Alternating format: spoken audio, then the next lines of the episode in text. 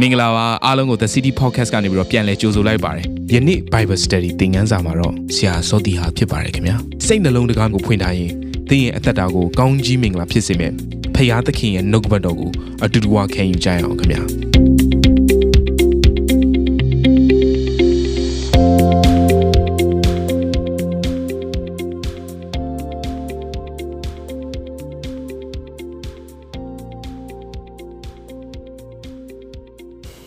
အားလုံးမင်္ဂလာပါဖခင်ရဲ့ကျေးဇူးတော်ကိုချီးမွမ်းပါတယ်ကျွန်တော်တို့နောက်တစ်ကြိမ်ဒီ Journey of Israel ဆိုတဲ့เนาะဣသရေလလူမျိုးတွေရဲ့ခရီးစဉ်ယုံကြည်သူရဲ့ခရီးစဉ်ကိုကျွန်တော်တို့လေ့လာဖို့ဖခင်ရှင်အာပြင်ဆင်ပေးပါတယ်အခွင့်အရေးပေးပါတယ်အဲဒီအတွက်ဖခင်ရဲ့ကျေးဇူးတော်ကိုချီးမွမ်းပါတယ်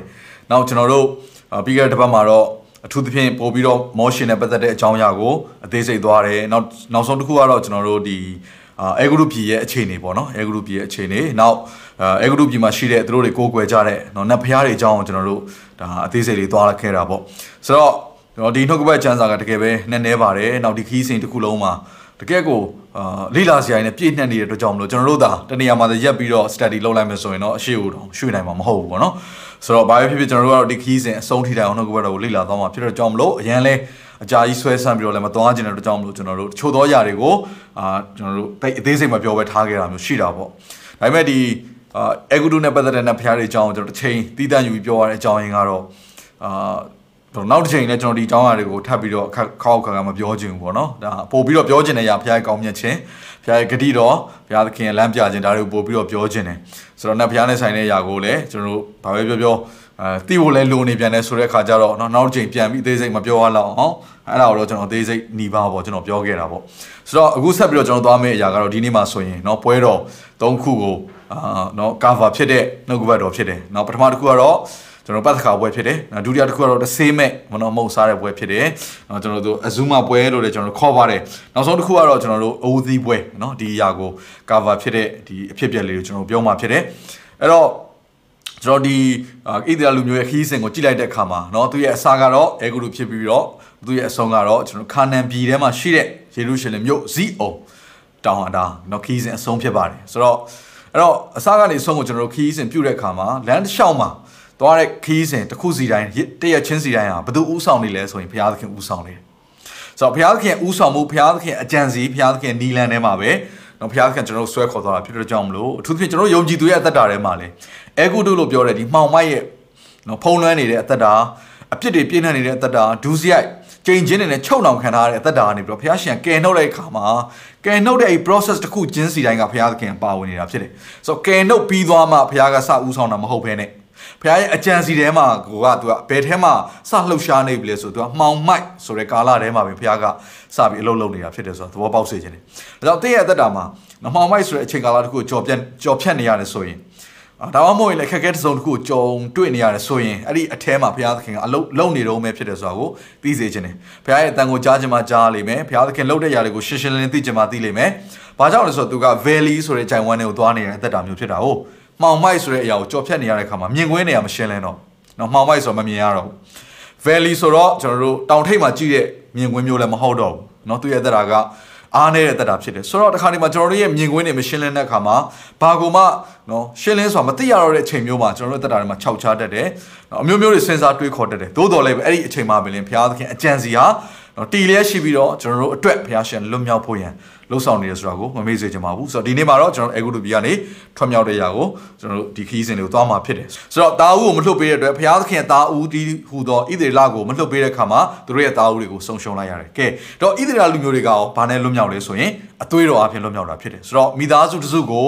အဲ့ဒီမှာနော်တိုးငယ်လေးတကောင်ယူလာရတယ်ဆိုတော့ဒီနော်ဒီပတ်သက်ခါပွဲဘယ်မှာစလဲဆိုအဲ့ဒီ အီဂျစ်ပြည်မှာစတယ်ဒါကြောင့်မလို့ယေရှုခရစ်တော်ရဲ့ရွေးနှုတ်ကယ်နှုတ်ခြင်းဟာကျွန်တော်ကောင်းစားတဲ့အချိန်ကျွန်တော်အားလုံးအဆင်ပြေတဲ့အချိန်မှာလာတာမဟုတ်ဘဲနဲ့ကျွန်တော်ဒုက္ခဆင်းရဲရောက်တဲ့အချိန်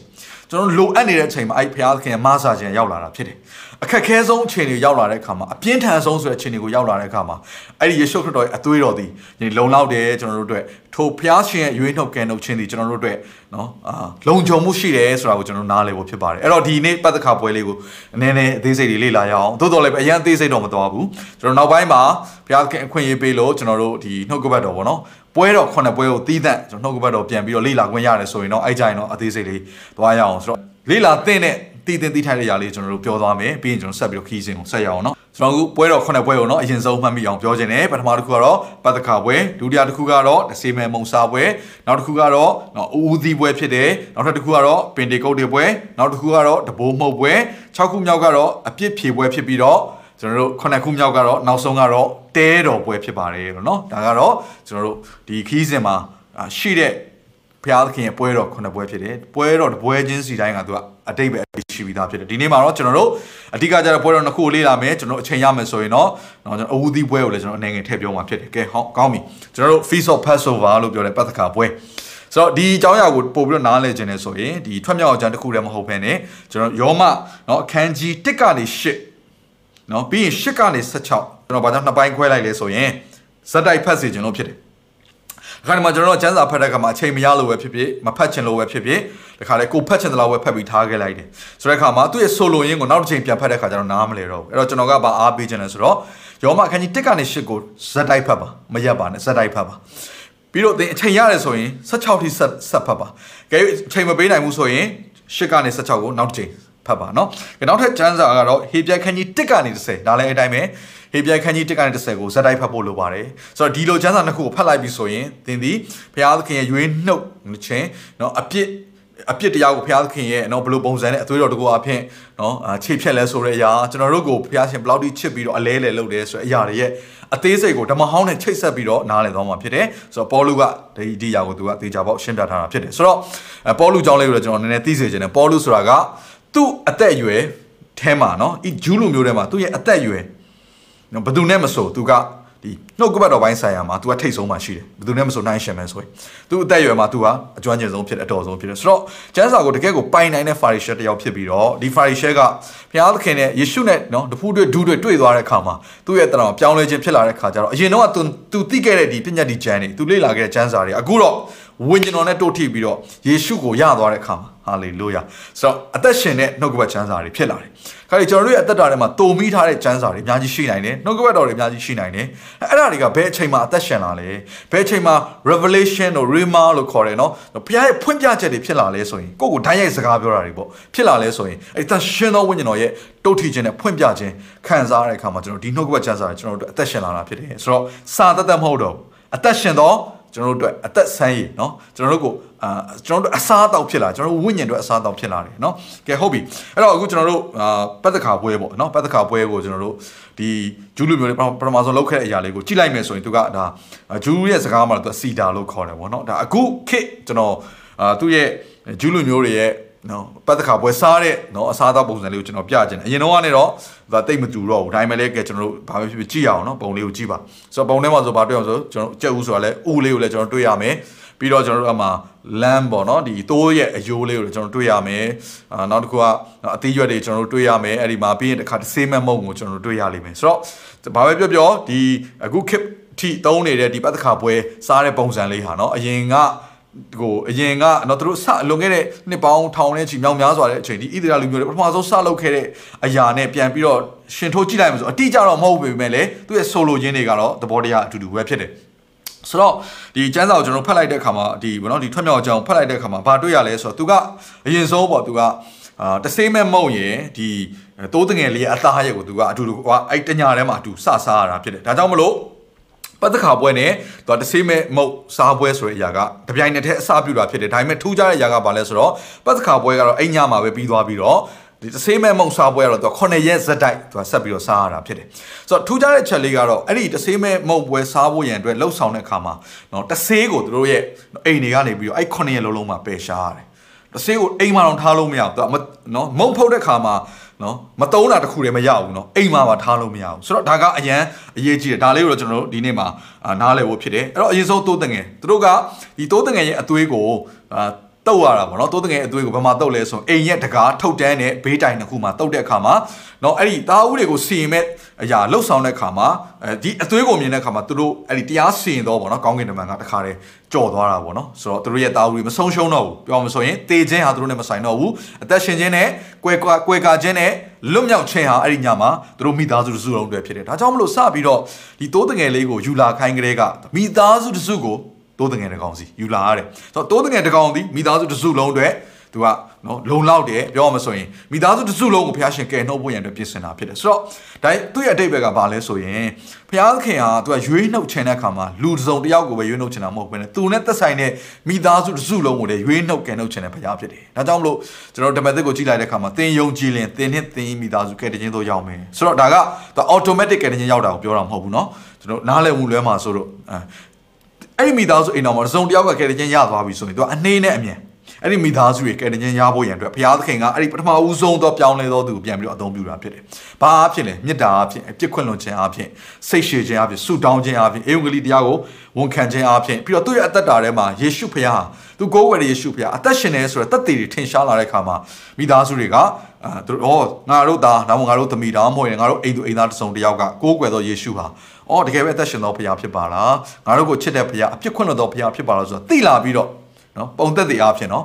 သိလာပြီးတော့နောက်ဆုံးမှာယေရှုခရစ်တော်ကိုနော်သူတို့လက်ခံလာစရာအကြောင်းရှိပါတယ်ဒါကဘုရားရဲ့အကြံစီဖြစ်တယ်နော်ဘုရားခင်အကြံစီကဘာလဲဆိုတော့နောင်ကာလမှာယေရှုခရစ်တော်သည်ဤလောကကိုကြွဆင်းလာပြီးတော့တိုးတငယ်ကဲ့သို့သူ့ရဲ့အသွေးကိုသွန်းလောင်းခြင်းအဖြစ်ကျွန်တော်တို့ရဲ့အပြစ်ရှိသမျှကိုဆေးကြောပြီးတော့တေခြင်းဆိုတဲ့အရာကနေဟောထာဝရတေခြင်းဆိုတဲ့ဒီငရဲကိုသွားမယ်အရာကနေပြီးတော့ရွေးနှုတ်ဖို့ရန် ကြိုတင်ပြီးတော့ဘုရားရဲ့အကြံစီရှိတယ်ဆိုတဲ့အရာကိုထင်ထင်ရှားရှားသူကဣသရေလလူမျိုးတွေဆင်ဖော်ပြလိုက်တာဖြစ်တယ်ဆိုတော့အဲ့ဒါနဲ့ဆက်ဆက်ပြီးနားလည်ရတဲ့အချက်ကသူကသူရွေးနှုတ်တယ်ဆိုတဲ့အရာတီးခြားဖယ်ထားတယ်ဆိုတဲ့အရာကိုလည်းသူကလှုပ်ဆောင်มาဖြစ်တယ်ဆိုတော့သိရတယ်ဆိုတော့ဣသရေလလူမျိုးတွေကိုတီးခြားဖယ်လိုက်တယ်ရွေးနှုတ်လိုက်တယ်ကဲဆိုတော့တိုးတငယ်ကိုသူက ပြီးတော့သူကပထမလ10ရက်နေ့မှာသူကယူလာတယ်ပေါ့နော်အဲ့ဒီမှာဣသရေလလူမျိုးတွေရဲ့ပြက်ကလေးနဲ့စပြီဟုတ်ပြီနော်ကျွန်တော်အဲ့တော့ဣသရေလလူမျိုးရဲ့ပြက်ကလေးသည်ဘုရားသခင်ပြက်ကလေးဖြစ်တယ်ဆိုတော့သိစေခြင်းတယ်ဒါကြောင့်မလို့ကျွန်တော်တို့ပတ်သက်ခါပွဲတွေလုပ်တယ်ဆိုတဲ့အခါမှာပုံမှန်အားဖြင့်ကျွန်တော်တို့ခရစ်ယာန်တွေမှာတော့ကျွန်တော်တို့ဘယ်လိုဘယ်လိုရှိရဆို Good Friday ဆိုတာရှိတယ်ဒါပေမဲ့ကျွန်တော်တို့ရဲ့ Good Friday ကအာ နော်ဒီဣသရေလလူမျိုးတွေအခုချိန်ထိလှုပ်လေရှိတဲ့ပတ်သက်ခါပွဲရက်လေးနဲ့နည်းနည်းနည်းနည်းလွဲတယ်အခုဒီနှစ်ဆို April လမှာကျွန်တော်တို့ April လ10ရက်နေ့က Good Friday ဖြစ်ပေမဲ့တကယ်တကယ်သူတို့ဂျူးလူမျိုးမှာကျတော့9ရက်10ရက်တော့အဲ10ရက်ပေါ့အဲ့ဒီရက်ဟာသူတို့ရဲ့ဟိုပတ်သက်ခါပွဲနေဖြစ်တယ်ဆိုတော့ကျွန်တော်တို့ကတောက်ကြနေသူတို့ဗုဒ္ဓဦးနေသွားကြတာပေါ့နော်ဆိုတော့ရက်လေးတော့ကွဲတယ်ဒါပေမဲ့အဲ့ဒီအချိန်ကာလပဲဆိုတော့ကျွန်တော်တို့ဘာလို့သဘောပေါက်ဖို့လိုလဲဆိုတော့ဘုရားသခင်ကဣသရေလလူမျိုးနဲ့လှုပ်တဲ့ဒီလတွေရက်တွေအားလုံးဟာသူကသူ့ရဲ့ calendar ဖြစ်တယ်နော်သူ့ရဲ့ ဒီမြေကြီးပေါ်မှာသူ့ရဲ့လူတွေနဲ့အလုပ်လုပ်တဲ့နော်ဒီ calendar တစ်ခုဖြစ်တယ်ဆိုတော့သိစေခြင်းနဲ့ဆိုတော့ကျွန်တော်တို့အခုသုံးနေတဲ့ critical ဆိုတာကတော့ဂျားထဲမှာအပြောင်းလဲတွေအများကြီးရှိတယ် Roman Empire မှာဆိုအများကြီးအပြောင်းလဲရှိသွားရက်တွေအတိုးလျှော်တွေရှိလာတာမျိုးတွေနောက်ရက်တရဲ့နာမည်တွေပေါ့နော်ကျွန်တော်တို့ပြောင်းလိုက်တာမျိုးတွေဥပမာ Sunday ဆိုတာကသူက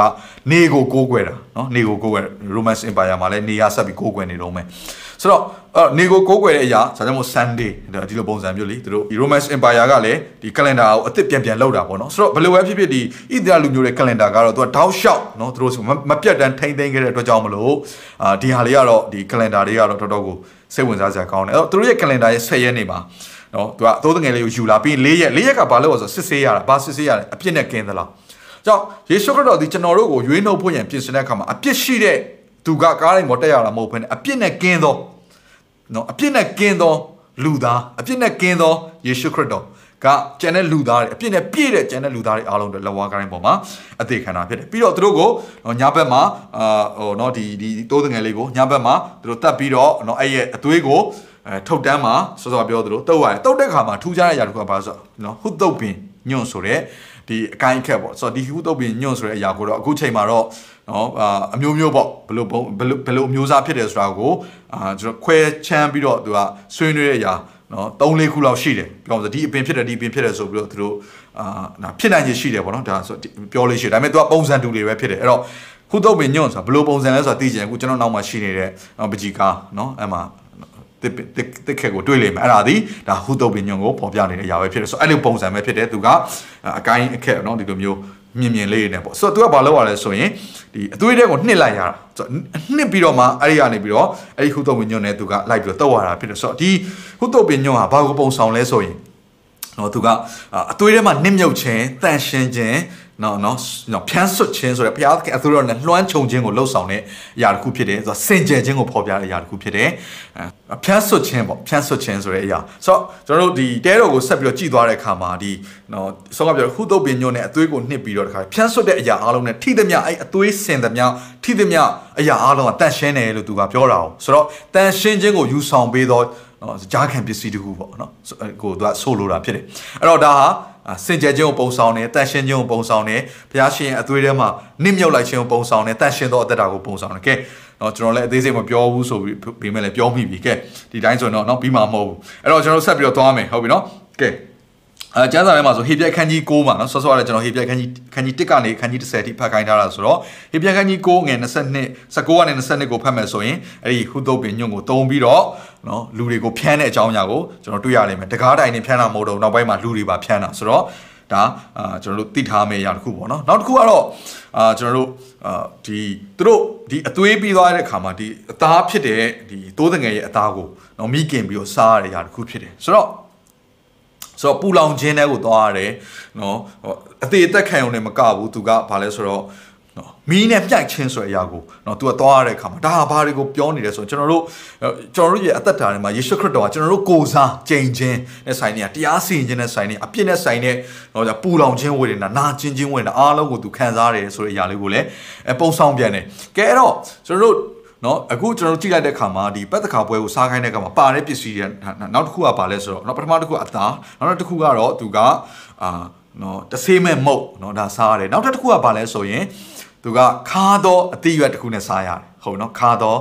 အတိရွက်တစ်ခုနဲ့စားဆိုတော့အဲ့တော့အခုချိန်ဒီဂျူးလူမျိုးတွေရဲ့ဒီလုံနေဒီပတ်သက်ခါပွဲစီဒါဆိုတဲ့ဒီပတ်သက်ခါပွဲကိုဟိုကျင်းပတဲ့ဒီစားတော့တဲ့မင်နူးလေးပေါ့နော်စားတော့တဲ့ပစ္စည်းတွေပါတဲ့အရာလေးကလည်းသူက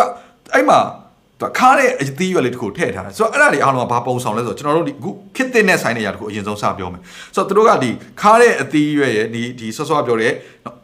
နော်ကြက်ဥတို့ဘာလို့အဲ့ဒါတွေအားလုံးကဘာကိုဖော်ပြနေလဲဆိုရင်နော်သူတို့ရဲ့အသက်တာမှာအဲဂရုပြည်မှာခါသီးရဲ့အတွေ့အကြုံသူတို့တွေ့ကြုံခဲ့ရတယ်နော်မာကျော်တဲ့ပြောရမယ်ဆိုရင်သူတို့အတွက်ခက်ခဲတဲ့နော်တကယ်ကိုပျော့ပြောင်းတဲ့အသက်တာမဟုတ်နော်ပြောမယ်ဆိုရင်သူတို့အတွက်ကြမ်းတက်တဲ့အသက်တာတခုသူတို့ကြော်ဖြတ်ခဲ့ရတယ်ပေါ့နော်ဆိုတော့ဟို ဘယ်လိုပြောမလဲသူတို့ရဲ့အသက်တာကိုတကယ်လောင်မြိုက်တဲ့အသက်တာပြုတ်ထားခံရတဲ့အသက်တာမျိုးပေါ့နော်ဆိုတော့အဲတခုမှကောင်းတာမရှိဘူးနော်အဲ့ဒါတွေကိုသူတို့အမှတ်ရဝင်ရသူတို့စားကြတယ်ပေါ့ဒါကတော့အခုချိန်ထိအဲသူတို့ခံယူပြီးတော့ practice လုပ်တဲ့အရာတခုဖြစ်တယ်ဒါပေမဲ့ကျွန်တော်တို့ယုံကြည်သူတွေအတွက်ကောနော်ကဲကျွန်တော်တို့ Good Friday ဆိုရင်ဘာလုပ်လဲကျွန်တော်တို့ပွဲတော်ယူကြတယ်မဟုတ်ဘူးလားယေရှုခရစ်တော်အသေးခံခြင်းဆိုတဲ့အရာကိုပြောကြတယ်ပြီးကျွန်တော်ဘယ်လိုချမ်းသာမျိုးတွေဖတ်လဲယေရှုခရစ်တော်ရဲ့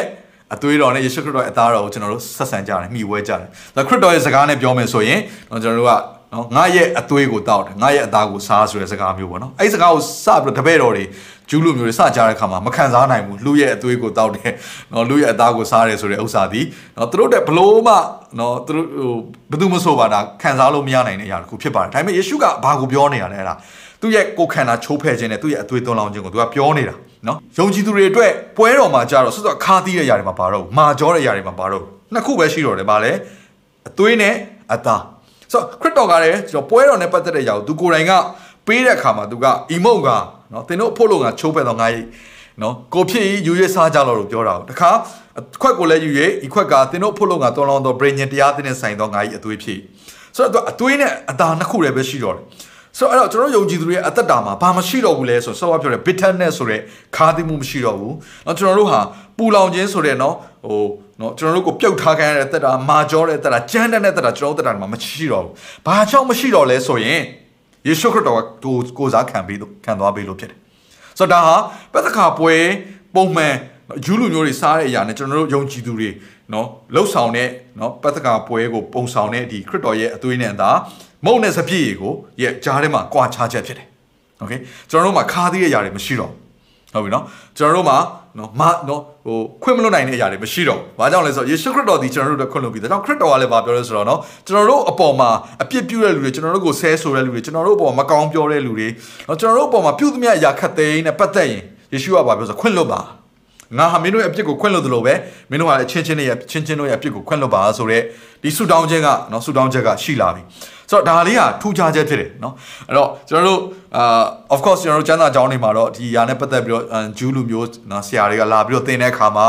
เนาะကျွန်တော်တို့အာသင်ခန်းစာပြီးသွားတဲ့အခါမှာကျွန်တော်ပတ်သက်ခါပွဲပုံစံမျိုးအတူစားရတယ်နောက်ညစာစားပွဲပုံစံယေရှုခရစ်ညစာစားပွဲเนาะအာဘယ်လိုပြောမလဲယေရှုခရစ်ညစာစားပွဲမှာဒီမုံနဲ့စပြည့်ရေပေါ့เนาะအဲသုံးတဲ့ပုံစံမျိုးကျွန်တော်တို့စားရတယ်နောက်တဆေးမဲမုံတွေပါတယ်ဒါမျိုးအာဒီလိုစုံစုံလင်လင်ပေါ့เนาะသူလုတ်ပြီးတော့ကျွန်တော်တို့ study တော့လုပ်ရတာပေါ့တိုးတော်လည်းပဲ အခုကျွန်တော်တို့အသင်းတော်တွေမှာနော်အပတ်စဉ်လိုလိုပဲဖြစ်ဖြစ်တလားတစ်ခါပဲဖြစ်ဖြစ်ပွဲတော်ပြီးတဲ့ခါမှာတော့ခါးရရတော့ကျွန်တော်မထည့်တော့အဲ့တော့အဲ့ဒီပတ်သက်ခါပွဲနဲ့ပတ်သက်ပြီးတော့တော့လကောင်ယေရှုခရစ်တော်ရဲ့ကိုခန္ဓာနဲ့အသွေးနဲ့ပတ်သက်ပြီးတော့လကောင်နော်ဖော်ပြထားကျမ်းစာကိုတော့ကျွန်တော်ဖတ်ချင်ပါတယ်နော်အဲ့ဒါကတော့ကျွန်တော်တို့ယေအာယောဟန်အခန်းကြီး6ထဲမှာရှိပါတယ်အာပြီးတော့ကျွန်တော်တို့အငယ်40ခွန်ကနေပြီးတော့59အထိနော်ဒါ ဖတ်မယ်ဆိုရင်အသေးစိတ်ကိုတွေ့ရလိမ့်မယ်ဆိုတော့ဒီထဲမှာဆိုရင်ဘယ်လိုပြောသွားပြီလဲဆိုရင်သူကအဲတိုးတငယ်ရဲ့အသားရောတိုးတငယ်ရဲ့အသွေးရောတဆေးမဲ့မုံရောကိုတခါတည်းအကုန်လုံးနော်ခရစ်တော်ကသူ့ရဲ့ကိုယ်ခန္ဓာသူ့ရဲ့သွန်လောင်းတဲ့အသွေးတော်နဲ့သူကအတိုင်းရှင်ပြီးပြောသွားတာဖြစ်တယ်တခုပဲစောစောကပြောတဲ့နော်ဒီခါသီးတဲ့အရာမပါတော့ဘူးကျွန်တော်ဖတ်ချင်တယ်ငါမှန်ကန်ဆိုဒီကငါ့ကိုယုံကြည်တော်သူသည်သာရအသက်ကိုယာ၏ငါသည်အသက်မုံဖြစ် ကဲအဲ့တော့အသက်မုံဆိုတော့ကျွန်တော်တို့တဆေးမဲ့မုံကိုစားရတယ်နော်ကဲတဆေးဆိုတဲ့ຢာလေးကိုကျွန်တော်ခဏနေပြောမယ်ဟုတ်ပြီနော်အသက်မုံဆိုတဲ့တဆေးမဲ့မုံကိုစားရတယ်သင်တို့ကိုအာသင်တို့ဘိုးဘေးများသည်တော၌မာနကိုစားလျက်တရားကြ၏အဲ့တော့နောက်ကျကျွန်တော်လေ့လာတဲ့ခါမှာသူတို့အေဂုတုကထွက်သွားပြီးတော့အဲဒီကာနန်ကာနာရောက်ကိုရောက်ပြီးရောက်တဲ့အချိန်မှာပေါ့နော်ဘုရားသခင်ကျွေးမွေးတဲ့အရာကတော့ကောင်းကင်ကကြားတဲ့မာနမုံဖြစ်တယ်ဆိုတော့အဲ့မာနမုံကဘာလဲဆိုရင်ယေရှုခရစ်တော်ကိုပုံဆောင်တယ် တော့အခုဒီကျမ်းစာထဲမှာကျွန်တော်တို့ဒီထွတ်မြောက်အောင်ကျမ်းထဲမှာလေ့လာသွားတဲ့ဒီခီးစဉ်ကြီးထဲမှာယေရှုခရစ်တော်ဟာเนาะကျွန်တော်တို့ခီးစဉ်ထဲမှာယေရှုခရစ်တော်ရဲ့ပုံဆောင်ခြင်းတွေအများကြီးပဲเนาะအဲ့တော့ယေရှုခရစ်တော်ကြောက်ကိုပုံဆောင်တယ်ယေရှုခရစ်တော်သူတို့တောက်တဲ့ရေကိုပုံဆောင်တယ်ယေရှုခရစ်တော်ဟာเนาะအာเนาะအာဆိုတော့သူတို့ ပင်လယ်ကိုနှစ်ချမ်းခွဲပြီးတော့သွားတဲ့ခါမှာဒါယေရှုခရစ်တော်အထဲကနေပြီးတော့သွားတယ်ဆိုတဲ့အရာကိုပြောနေတယ်ဆိုတော့အာနော်သူတို့စားတဲ့မုံကယေရှုခရစ်တော်ကိုပုံဆောင်နေစသဖြင့်နော်ယေရှုခရစ်တော်ကိုပဲသူတို့စားတော့ပြီးတော့ယေရှုခရစ်တော်အထဲမှာပဲသူတို့ကသွားလာပြီးတော့အဲခရစ်တော်ရဲ့ဥဆောင်မှုနောက်ကိုပဲသူတို့လိုက်နေကြတာဖြစ်တယ်ဆိုတော့ဒီဣသရေလလူမျိုးရဲ့အသက်တာထဲမှာအရာခတ်တိုင်းဟာဘုရားသခင်ကလွှမ်းခြုံထားတယ်ခရစ်တော်ကလွှမ်းခြုံထားတယ်ဆိုတာကိုကျွန်တော်တို့တွေ့ရတာဖြစ်တယ်အဲ့တော့ကျွန်တော်ဖတ်ချင်တယ်သင်တို့ဘိုးဘေးများသည်တော၌မာနတ်ကိုစားလျက်တရားကြ၏ကောင်းငင်မှာဆင်းသက်သော မုံကိုစားတော်သူသည်တေခြင်းနဲ့ကင်းလို့၏ဒါဆိုရင်ကောင်းငင်ကဆင်းသက်တော်မုံအောင်သူတွေယေရှုဖြစ်တယ်ငါသည်ကောင်းငင်မှာဆင်းသက်တော်အသက်မုံဖြစ်၏ဤမုံကိုစားတော်သူမြည်သည်ကအစင်မပြတ်အသက်ရှင်လိမ့်မည်ငါပေးသောမုံကလောကီသားတို့၏အသက်ဖို့လို့ငါဆွတ်တော်ငါ၏အသားဘေဒီဟုမိန်တော်မူ၏ကဲလာပြီဆိုတော့မုံရဲ့အသားတွေကိုဒါအတူတူပဲလို့ပြောရတာဖြစ်တယ်ဆိုတော့အဲ့တော့တိုးတငယ်ရဲ့အသားလို့ပဲပြောပြောမုံလို့ပဲပြောပြောယေရှုခရစ်တော်ကိုပြောနေတာဖြစ်တယ် ထိုကယူဒလူတို့ကဤသူသည်မိမိအသားကိုငါတို့စားစရာဖို့အဘယ်သို့ပေးနိုင်သနည်းဟုအချင်းချင်းချင်းခုန်ကြ၏ယေရှုကလည်းငါအမှန်ကန်ဆိုသည်ကလူသားဤအသားကိုမစားအသွေးကိုမတောက်လျင်သင်တို့၌အသက်မရှိလူသားဆိုတာခရစ်တော်ကိုပြောနေတာဖြစ်တယ်ခရစ်တော်ရဲ့အသားကိုမစားခရစ်တော်ရဲ့အသွေးကိုမတောက်လျင်သင်တို့၌အသက်မရှိငါ၏အသားကိုစား၍ငါ၏အသွေးကိုလည်းတောက်တော်သူသည်သာရအသက်ကိုရ၏ထိုသူကိုနောက်ဆုံးသောနေ့၌ငါထမြောက်စေမည်ငါ၏အသားသည်စားစရာကောင်း၏ငါ၏အသွေးလည်းတောက်စရာကောင်း၏ငါ၏အသွေးကို ငါ၏အသားအသွေးကိုတောက်စားသောသူသည်ငါ၌တည်ထိုသူ၌လည်းငါတည်ဆိုတော့ဒီစကားကိုကြားတဲ့အခါမှာတပည့်တော်တွေကဘလို့မှမခံနိုင်ဘူးပေါ့နော်ဆိုတော့အဲ့မှာသူ့ရဲ့ပတ်ဝန်းကျင်မှာရှိတဲ့ချို့သောတပည့်တော်တွေဆိုတခါတည်းအဝေးကိုထွက်သွားကြတယ်ဟာဒါကြီးကတော့လုံးဝကြေခဲ့တဲ့အစာဖြစ်တယ်ပေါ့နော်သူတို့မစားတော့နိုင်ကြဘူးမခံယူနိုင်ကြဘူးဆိုတော့ယေရှုကဘာကိုပြောနေရလဲဆိုတော့ဒီအပြစ်သားတွေအားလုံးအတွက်ဒီလောကအတွက် သူကဒီကိုခန္ဓာကိုချိုးဖဲ့ပြီးတော့နာကျင်စွာညှဉ်းပန်းနှိပ်စက်ခံပြီးတော့လက်ဝါးကားတွေမှာကျွန်တော်တို့ကိုစားသူခံပေးမယ်ဆိုတော့ပြောနေတာပြီးရင်သူ့ရဲ့အသွေးကိုသုံးပြီးတော့ကျွန်တော်တို့အပြစ်အားလုံးကိုဆေးကြောမယ်ဆိုတာပြောတဲ့အတွက်ကြောင့်မလို့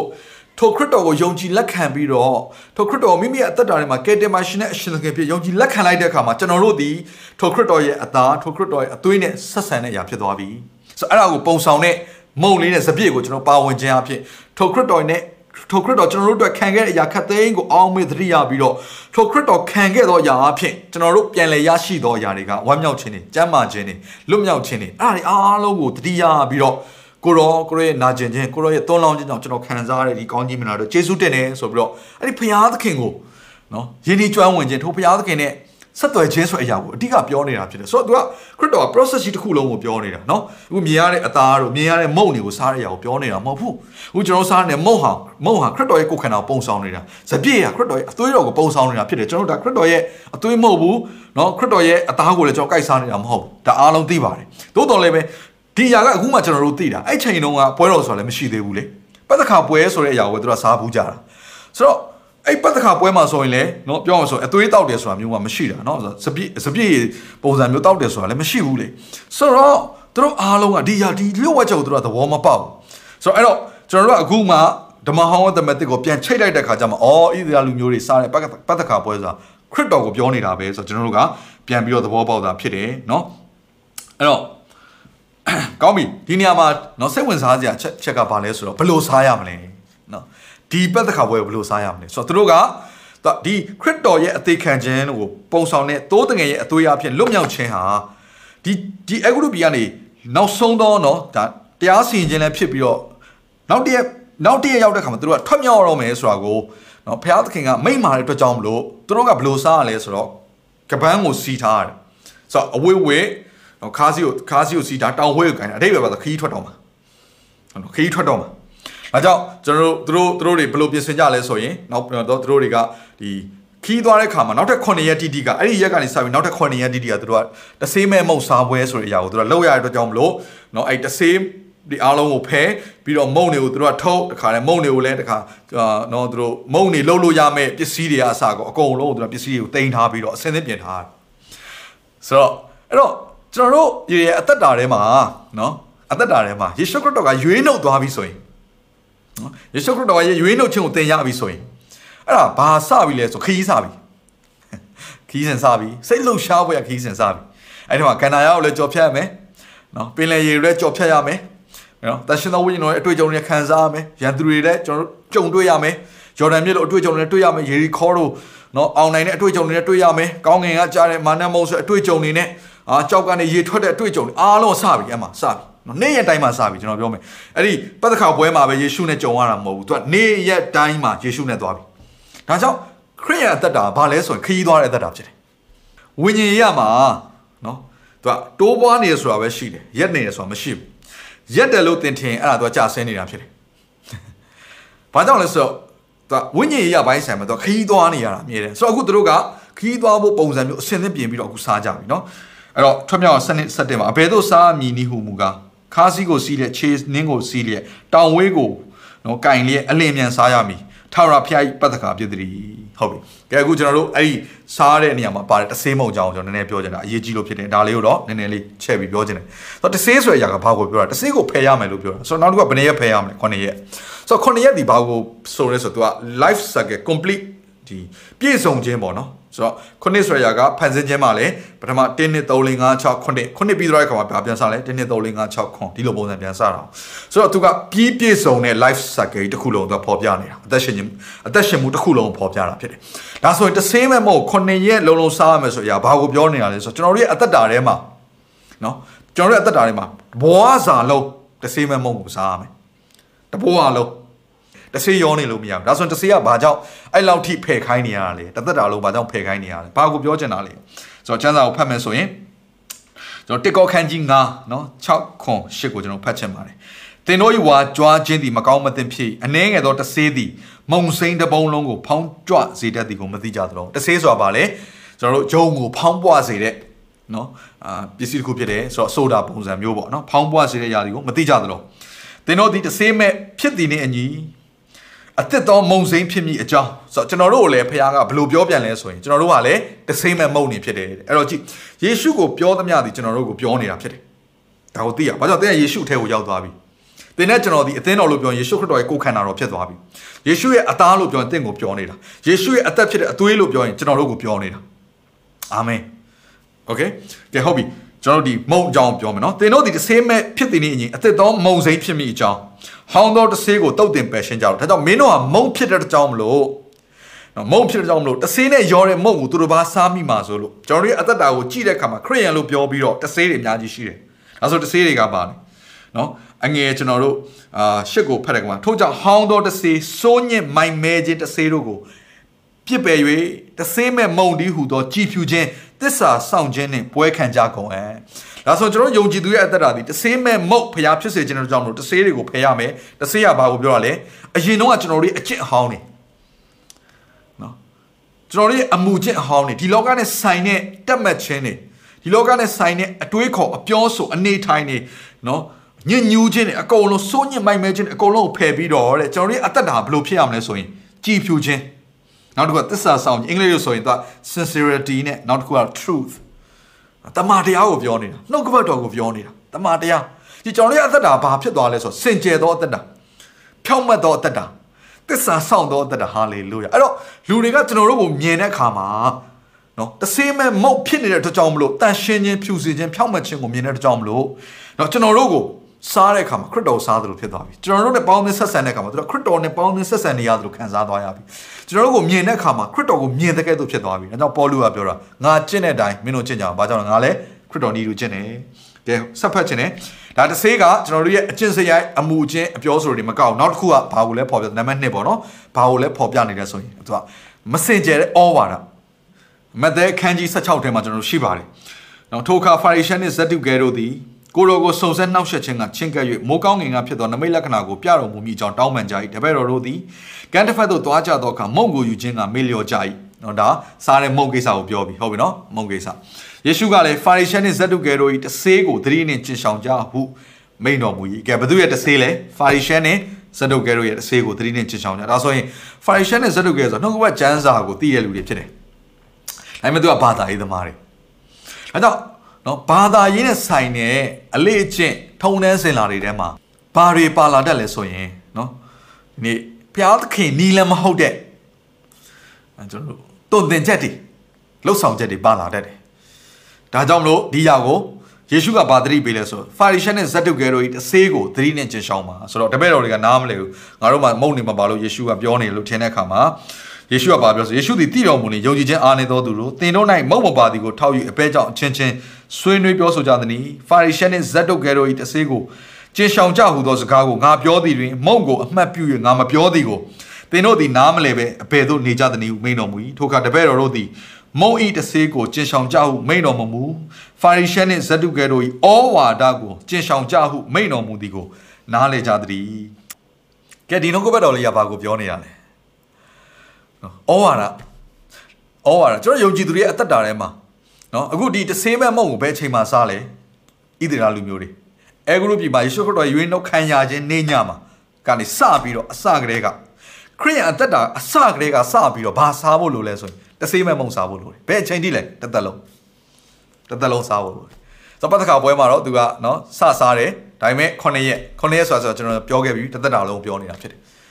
ဆိုတော့တဆေးမဲ့မုံဆိုတဲ့အရာမှာစင်ကြယ်တဲ့ဩဝါဒနှုတ်ကပတ်တော်နောက်ကျွန်တော်တို့ကနော် ဟာငါသူကတော့ခရစ်ယာန်ပဲသူကတော့အမှုတော်ဆောင်ဆရာပဲเนาะသူပြောတဲ့အကုန်လုံးထိုင်နာထောင်ပြီးတော့ယုံနေဖို့လည်းမဟုတ်ဘူးကိုယ်တိုင်နှုတ်ကပတ်ကျမ်းစာကိုလေ့လာတတ်ဖို့လိုတယ်ကိုယ်တိုင်နှုတ်ကပတ်ကျမ်းစာကိုပိုင်းခြားနားလည်တတ်ဖို့လိုတယ်နှုတ်ကပတ်ကျမ်းစာဘာကိုပြောနေတာသိဖို့လိုတယ်ဒါကြောင့်ကျွန်တော်ပြောမယ် Bible study ကအရေးကြီးတယ်ဆိုတာဒါကြောင့်ပြောနေတာဆိုအမှန်နဲ့သဘောတရားကသူကစကလုံးလေးတွေကိုအပြောင်းလဲလေးလုပ်တတ်တယ်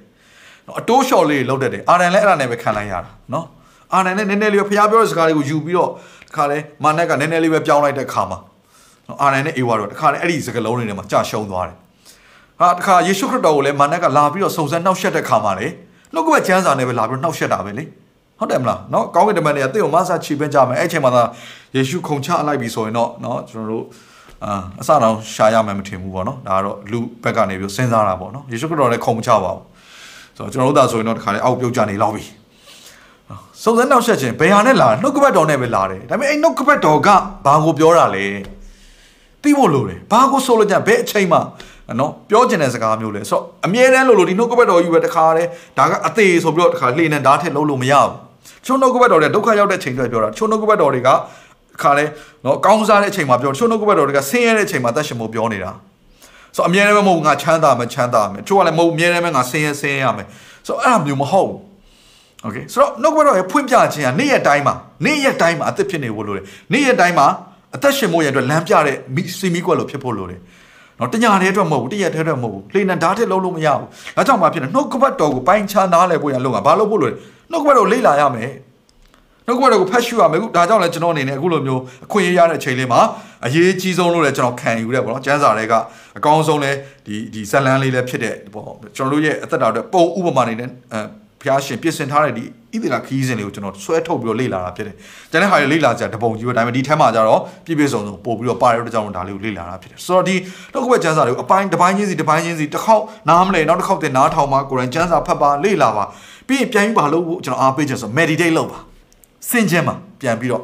အာမင်အာမင်ထူပြီးတော့ပြီးသွားရုံနဲ့မရဘူးခေါ်ရရတယ်ပြီးသွားရုံနဲ့မရဘူး စင်ကြမှာအဲ့နှုတ်ကပတ်တော်တွေဆရာအဲ့တော့ရှင်းပြလိုက်တယ်ဒီနှုတ်ကပတ်တော်တွေမှာဒီလိုရေးထားတယ် तू ဘာကိုပြောချင်တာငါအသက်တာထဲမှာငါဘလို့လက်တွေ့အသက်ရှင်ကောင်းမလဲဆိုတာကိုစင်ကြမဲ့ဆိုရင်သင်ဟာတဆေးမဲ့မုတ်အသက်တာမျိုးနော်အသက်ရှင်နိုင်တော့သူဖြစ်လာမယ်တခါတဆေးတွေပါတယ်မုတ်တွေကျွေးလာရင်သင်သဘောပေါက်လိမ့်မယ်ဒါဟာမှန်ကန်တဲ့အော်ဝါဒမဟုတ်ဘူးနော်ဒါဟာဖာရီရှဲအော်ဝါဒဒါဟာဇက်တုကဲအော်ဝါဒဒါဘာသာရေးနဲ့ဆိုင်တဲ့အကျင့်တလေးတွေဆိုကောင်းကောင်းသဘောပေါက်ပြီးတော့သင်အတွက်နော်ကျင်ရှောင်နိုင်စရာဖြစ်ပါလိမ့်မယ်ကဲကျွန်တော်လက်တွေ့ကြတဲ့ຢာတွေတချို့ကိုကျွန်တော်ပြောပြချင်ပါတယ်အခုချိန်မှာအဲ့ဒါကဘာလဲဆိုတော့ အမှုအကျင့်တွေအပြောဆိုတွေနေ့ရက်တိုင်းမှာလုပ်နေတဲ့အရာတွေတဲကဘုရားသခင်အလိုနဲ့မညီတဲ့အရာတွေကိုအခုတွေကလုံးဝဆုံးဖြတ်ချက်ချပြီးငါဘယ်တော့မှမလုပ်တော့ဘူးလို့သင်နေနဲ့အာနော် decision တစ်ခုကိုသင်လုပ်ဖို့လုပ်ပဲမဟုတ်ဘူးဆိုရင်သူကတစ်စိလေးရပါနေအောင်ပါတေးသေးမမလေးတွေအများကြီးပဲဒါပေမဲ့အဲ့ဒါတွေသူကသေးပေမဲ့တဲ့သူကမုတ်တစ်ခုလုံးဖောင်းကြွစေတယ်မသိပဲနဲ့ထားလိုက်တဲ့အရာတခုကအချိန်တစ်ခုရောက်လာတဲ့အခါမှာဖောင်းကြွပြီးတော့နော်ကိုယ့်ရဲ့တရမှာပျက်စီးစရာအကြောင်းရှိလာနိုင်တယ်ဆိုတော့ချုပ်တော့ အဲလူငယ်တွေအများကြီးရှိတယ်ကျွန်တော်ကျွန်တော် game တွေပါဆော့ရရကျွန်တော်တွေ့တွေ့တာပေါ့နော်ဆိုတော့ game တွေကလည်းဆော့လို့ကောင်းတဲ့ game တွေရှိတယ်ဒါပေမဲ့ယုံကြည်သူတွေအတွက်လုံးဝမဆော့တဲ့ game တွေတပုံရှိတယ်ဥပမာဆိုတော့လူတက်တဲ့ကိစ္စတွေနော်အတကယ်ကိုဓာတ်နဲ့ထိုးပြီးတက်တာသွေးထက်တန်ရုပ်ဖြစ်တဲ့ဒီမြင်ကွင်းတွေကိုမြင်ပြီးတော့တခါလေဆော့တဲ့လူငယ်တွေအများအများစုဆော့တဲ့ game တွေရှိတယ်။ကာနောက်နော်အရန်နာမည်ကြီးတဲ့ game တွေထဲမှာဆိုရင်ကျွန်တော်ပြီးခဲ့တဲ့မနေ့ကပြောခဲ့တဲ့ဒီအာနော်အေဂုဒိုရဲ့ဖျားတွေနတ်ဖျားတွေ အသုံးပြုထားတဲ့ game တွေဆိုရင် game တွေအများကြီးရှိတယ်နော်ဒါကြောင့်လည်းကျွန်တော်မနေ့ကဒီသူတို့ရဲ့ပုံတွေနော်အေဂုဒိုဖျားတွေဓာတ်ပုံတွေပြတယ်ဆိုတာကဒါအကြောင်းပဲပြတာမဟုတ်ဘူး game တွေထဲမှာတုံးနေတဲ့ပုံတွေဖြစ်လို့ကျွန်တော်အဲ့ဒါဆွဲထုတ်ပြီးတော့ပြတယ် ဆိုတော့ဒီ echo တို့ရဲ့ဖျားတွေဟာသူတို့ကသူတို့ကတကိုးဘယ်လောက်ရှိတယ် power ဘယ်လောက်ရှိတယ်နောက်တဲ့ဖျားတော့ပို့ပြီးတော့တကိုးကြီးတယ် power ဘယ်လောက်ရှိတယ်အဲ့ဒါလေးကို gain နဲ့ထည့်ပြီးတော့တခါလဲခုတ်ကြထက်ကြတက်ကြစကန်တွေတိမ့်ကြနဲ့လောက်ကြတာဟုတ်ဆိုတော့လူငယ်တွေအဲ့ထဲမှာတခါလဲနေရောညောင်းနေရောညောင်းဆိုတော့သူတို့ရဲ့အတွေ့အခေါ်အဲ့ထဲမှာပဲသူတို့မျက်စိတွေမှာမြင်နေရတယ်အားလုံးနတ်ဖျားရဲ့ပုံရိပ်တွေပဲဆိုတော့မာနက်ကအရန်ပါနေတယ်သူကနည်းနည်းလေးပဲထည့်တယ်အချိန်တစ်ခုရောက်လာတဲ့အခါမှာတခါလဲဖောင်းကြွပြီးတော့အသက်တာပျက်စီးသွားအောင်နော်ဘာလို့သူ့အထဲမှာမြင်ကွင်းတွေကိုမြင်စေရဖျားသခင်ပြကျင်နေရတယ်မဟုတ်တော့ပဲနဲ့ နော်မာနဲ့အလေလာတယ်ပဲမျက်စိတွေမှာမြင်တာအဲ့တော့ကျွန်တော်ပြောမယ်ဂိမ်းဆော့တာကမှားတဲ့အရာတခုတော့မဟုတ်ပေမဲ့ဆော့တဲ့နီလန်းနဲ့နော်ကိုအသုံးပြုတဲ့အရာတွေကမှားတာကြီးအများကြီးရှိနိုင်တယ်နော်အကောင်းဆုံးကတော့နော်ပြောမယ်ဟိုဂိမ်းဆော့ခြင်းအဖြစ်တိုးတက်တဲ့အရာတွေလည်းရှိတယ်ဒါပေမဲ့နော်ဂိမ်းဆော့ခြင်းအဖြစ်ပျက်စီးသွားတယ်အများကြီးတပုံကြီးရှိတယ်နောက်တစ်ခုပြောချင်တယ်နော်ကျွန်တော်တို့တစ်ခါတည်းမှာကျွန်တော်တို့ယုံကြည်ဆိုတာ T-shirt တွေပဲဝတ်ကြတယ်ဝတ်တဲ့ခါမှာဘာမှမသိညာမှမသိအရင်တော့ဆိုအင်္ဂလိပ်စာမတတ်တဲ့ခါကျတော့ဝတ်ချင်အောင်ဝတ်တဲ့ခါတွေကတစ်ခါတည်းဒီမှာနော်ဆဲတဲ့စကားတွေဖြစ်နေမသိကြဘူး အာမာနနဲ့ဆိုင်တဲ့ຢာနီလန်းတွေကိုဖော်ပြတဲ့ຢာတွေအများကြီးပဲအဲ့တော့ကျွန်တော်တို့အခုနောက်ပိုင်းဆိုရင်လူငယ်တွေကိုဘာအားပေးလဲဆိုရင်နှုတ်ကပတ်တော်နဲ့ဆိုင်တဲ့အရာတွေကိုနော်ပုံနှိပ်ထားတဲ့ T-shirt တွေကိုဝတ်ပါ T-shirt ဝတ်မယ်ဆိုရင်တော့မှကိုမသိပဲတော်တော်ပြီးတော့ဆွဲမလာနဲ့နော်တခါတွေမှာအဲ့ဒီသူတို့ရဲ့အမှတ်လက္ခဏာတွေကအာလူသေခြင်းနဲ့ဆိုင်တဲ့ຢာတွေဖြစ်တယ်ကျိန်ခြင်းနဲ့ဆိုင်တဲ့ຢာတွေဖြစ်တတ်တယ်ဥပမာဆိုတော့ကျွန်တော်တို့ဥရောပလိုအမေရိကလိုနေရာမျိုးမှာကဘာတဝမ်းလုံးနှိပါပါပဲနော်ဒီနာဇီဟစ်တလာနဲ့ဆိုင်တဲ့ဒီဒီဒီအမှတ်တစိုက်ကိုဝတ်ခွင့်မပေးဘူးလေ ဝတ်တယ်ဆိုရင်အဲအဲ့သူကဒါတော်တော်လေးတော့ပြဿနာတက်တယ်သူရဲ့ society မှာဘာကြောင့်လဲဆိုတော့ဒါကျူးလူမျိုးတွေကိုတတ်ခဲ့တဲ့အမှတ်လက္ခဏာဖြစ်နေတာပေါ့နော်တကမ္ဘာလုံးအတိုင်းအတာနဲ့တခါနိုင်ငံတွေကိုကျူးကျော်ပြီးတော့ခရီးယန်တွေဂျူးတွေအားလုံးကိုနော်တတ်ဖြတ်တဲ့အရာတခါလူမျိုးရေးပိုင်းဆိုင်ရာခွဲခြားပြီးတော့တခါလေဟိုနော်နှိပ်စက်တဲ့အရာကိုသူကကိုစားပြီးတော့အမှတ်တစိဖြစ်သွားတဲ့ခါကျတော့အဲ့ဒီဥစ္စာကိုကိုကရင်ဘက်မှာတခါလေကိုယူဝင်ကြားစာဝတ်ထားတယ်ဆိုရင်တော့အာနော်ဒါအတင်ဥရောပလိုနေရာမျိုးအမေရိကလိုနေရာမျိုးကတော့နော်တင်ဒုက္ခရောက်မှာပဲတေချာပေါ့အဲ့တော့ ဒါပေမဲ့ကျွန်တော်တို့နိုင်ငံမှာကျတော့ကျွန်တော်အဲ့လိုအမှတ်အမှတ်လက္ခဏာတွေဝတ်ထားလဲဘယ်သူမှဘာမှမပြောဘူးလေဆိုတော့ဆိုအထိပ္ပယ်လည်းမသိကြဘူးလူတွေတခါတည်းဝတ်ချင်ဝတ်ကြတယ်သူပြင်အာတကြံကာလလိုချိန်မျိုးမှာဆိုလူငယ်တွေရဲ့သူတို့ဝတ်စားဆင်မှုတွေနော်ပျော်ပျော်လွန်ကျူးမှုတွေကြားထဲမှာနှဆိုးနဲ့ဆိုင်တဲ့အမှတ်တစိတ်တွေလက္ခဏာတွေနော်အဲ့ဒါတွေအားလုံးကစပြီးတော့တခါတည်းအာကျွန်တော်တို့မြင်ရတယ်ပေါ့နော်ဆိုတော့ငြိမ်သက်ခြင်းကိုမပြုစုတော့ဘူးသူကစူပူခြင်းကိုပြုစုတယ် နော်ခက်ရန်ဖြစ်ပွားခြင်းပြုစုတယ်တယောက်တယောက်တတ်ချင်းဖြတ်ခြင်းကိုစားအလိုလိုကိုစိတ်တွေကကြွားပြီးတော့မွေးဆွေးဝါးတွေတုံးပြီးတော့တခါတည်းဒီကိုခန့်ကိုခန္ဓာနဲ့ဆိုင်အသွေးသားတက်မဲ့ခြင်းတွေတခါတည်းရောက်သွားပြီးတော့အာပြစ်မှားခြင်းတွေယောက်ျားမိန်းမတွေကြားထဲမှာမျိုးစုံဒီရက်တော်တော်လေးအတော်အတွင်းမှာပဲအကုန်လုံးဖြစ်ကြတယ်နော်စိတ်မကောင်းစရာတစ်ခုကဘာလဲဆိုတော့အဲ့ကြားထဲမှာယုံကြည်သူတွေကနော်ယုံကြည်သူတွေရဲ့အာပါဝင်မှုတွေအများကြီးကိုတွေ့ရတယ်ဟာချို့ရဆိုတခါတည်းတချင်းဆိုပြီးတော့တခါတည်းဖျော်ဖြေတဲ့အရာတွေအများကြီးရှိတယ် ဆိုတော့တခါလေမှာကျွန်တော်ယုံကြည်သူတွေကိုလုံနေတာဘာမှမသိပတ်စံရလို့တခါလေလောက်ကြတယ်နော်တကြံဆိုတာကကျွန်တော်တို့ရဲ့တိုင်းနိုင်ငံမှာတော့ဒါဟာစီးပွားရေးအချိန်ကာလတစ်ခုပဲပေါ့နော်ဆိုတော့အဆိုတော်တွေအမှုပညာရှင်တွေအတွက်ဒါငွေရှာလို့ကောင်းတဲ့အရာတစ်ခုပေါ့အခုတော့နော်ကျွန်တော်တို့ဒီ virus ကနော်တကြံကိုလည်းရက်နာစေတယ်လေဆိုတော့စီးပွားရေးလည်းလုပ်လို့မရတော့ဆိုတော့ကဲဒါဆိုရင်ကျွန်တော်တို့ခရစ်ယာန်အဆိုတော်တွေခရစ်ယာန်နော်အမှုပညာရှင်တွေခရစ်ယာန်အမှုပညာရှင်တွေအခုတကြံဘာမှမဖြစ်တော့ကျွန်တော်ထမင်းငတ်သွားလားမငတ်ပါဘူးဟုတ်ပြီနော် ကျွန်တော်တို့ရဲ့အသက်တာကြီးမှာဘွားကြီးမှာလုံးဝစားစရာမရှိလောက်အောင်နော်ကုန်းကောက်စရာမရှိလောက်အောင်ဘွားကြီးပြတ်သွားတာမပြတ်ပါဘူးကျွန်တော်တို့အခုမှရှိအိမ်မှာနေကြတယ်မဟုတ်ဘူးလားနှုတ်ကပတ်တော်နားထောင်ကြမယ်တခြင်းတွေဆိုကြမယ်โอเคဘုရားသခင်ကိုကိုးကွယ်တဲ့အချိန်တိုင်းတွေပို့ပြီးရတာလေဘုရားသခင်နဲ့ပတ်သက်တဲ့စဉ်းစားမယ်ဆိုတော့ဘယ်လောက်ထိကောင်းတဲ့ຢာတခုလဲဆိုတော့စဉ်းစားကြည့်ပါနောက်လာမယ့်နှစ်တွေမှာလေနောက်လာမယ့်နှစ်တွေမှာလေနော်ဒီလိုမျိုးနော်နက်နဲ့ဆိုင်တဲ့အရာပြောမှဆိုနတ်ဆိုးတွေနဲ့ဆိုင်တဲ့အရာနော်ဒီဘာသာတရားနဲ့ဆိုင်တဲ့ အရာတွေကျွန်တော်ဆိုလိုချင်တဲ့အရာကငြိမ်သက်ခြင်းကိုမပြုစုတဲ့အရာတွေပေါ့နော်ခိုက်ရန်ဖြစ်ပွားခြင်းစူပူမှုနဲ့တခါငြိမ်ချမ်းခြင်းကိုမပြုစုတဲ့ဘာမှပုံသက်တဲ့ယူစရာမရှိတဲ့အရာတွေကြားထဲမှာကိုကကိုယ့်ရဲ့ခွန်အားကိုယ့်ရဲ့အစွမ်းတတ္တိဖျားပေးထားတဲ့နော်တကယ် talents တွေကိုဖျားခင်ပေးထားတဲ့အစွမ်းတတ္တိတွေကိုတွားပြီးတော့ငွေအတွက်သွားပြီးသုံးနေဆိုရင်တင်ရောက်နေတဲ့ atmosphere ကတင်ရောက်နေတဲ့နေပယ်ကြီးကဘာဖြစ်နေလဲပြန်စဉ်းစားပါကျွန်တော်တို့ဒါအာမနာနဲ့နှုတ်ကအမှုတော်ဆောင်တယောက်နဲ့ကျွန်တော်ပြောပြတာဖြစ်တယ်ကျွန်တော်ကြိုက်ချင်မှကြိုက်လိမ့်မယ် တော့နော်ဆရာက तू तू စီပွားရေးမဟုတ်တဲ့ခါကျတော့ तू ပြောမှာပဲလို့တင်နေကောင်းထင်လိမ့်မယ်ကြိုက်တယ်လို့ထင်လို့ရဒါပေမဲ့ကျွန်တော်ပါအောင်နားလဲဆိုတော့အဲ့ဒါတွေအားလုံးတဆေးတွေတဆေးတွေနည်းနည်းလေးပဲအများကြီးမလောက်တဆေးဆိုတာနည်းနည်းလေးပဲဒါပေမဲ့အဲ့နည်းနည်းလေးကိုမသိလိုက်တဲ့အချိန်မှာကိုယ့်ရဲ့အသက်တာထဲမှာဖောင်းကြွားမှုဖြစ်ပြီးတော့ပျက်စီးစေတယ်ဆိုတော့ကိုသိရလိမ့်မယ်ဒါကြောင့်မလို့ဆာလန်တရားတစ်ထဲမှာဆိုဘယ်လိုရေးလဲဆိုတော့နော်ဒါဆာလန်ဆရာအရန်ကောင်းဒါဒေးဗစ်ဒေးဗစ်ရဲ့ဆာလန်ဖြစ်တယ်စုံလင်သောတရားအတိုင်းနော်ပညာသတိနဲ့ကျင့်ကျင့်ပါမည်ကိုတော်သည်ကျွန်ုပ်စီတို့အဘယ်ကာလမှကြွလာတော်မူမည်နည်း ကိုယ်အိမ်တွင်တန့်ရှင်းသောစိတ်နှလုံးနဲ့ကျင့်ပါမည်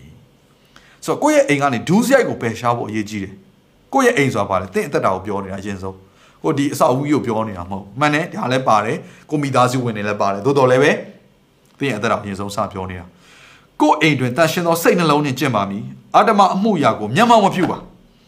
ဘုရားသခင်မနစ်သက်တဲ့ຢာတွေကိုစင်းတော်မစင်စားဘူးတဲ့လမ်းလွဲသောသူ၏အမှုကိုယွန်းရှာသည်ဖြစ်၍ငါ၌မမီမကက်ရ လမ်းလွဲတဲ့ရောက်တင်သိနေတာပဲဆိုဒါဝိဒ်ကဘာပြောလဲငါစီမှာလာကတ်တော်မကတ်မနေရဘူးတဲ့သဘောကောက်သောသူသည်ငါထံမှထွက်သွားရမည်မကောင်းသောသူနှင့်ငါမပေါင်းဖို့လှည့်စားတတ်သောသူမူကငါအိမ်၌မနေရမှုသာစကားကိုပြောတတ်သောသူသည်လည်းငါမျက်မှောက်နဲ့အခွင့်မရှိရဘလောက်ထိတန်ရှင်းစင်ကြယ်ဖို့တော့အသက်တာနဲ့သူရဲ့ပတ်ဝန်းကျင်တစ်ခုကိုဘလို့ပုံစံနဲ့ဒါဝိဒ်ပြင်ဆင်ထားလဲဘုရားသခင်မိနစ်သက်တဲ့အရာအလုံးအကုန်လုံးဖယ်ပလိုက်တာဒါကြောင့်ကျွန်တော်ပြောတင်းမှာဘုရားသခင်မိနစ်သက်တဲ့ရုပ်ပုံတွေအစ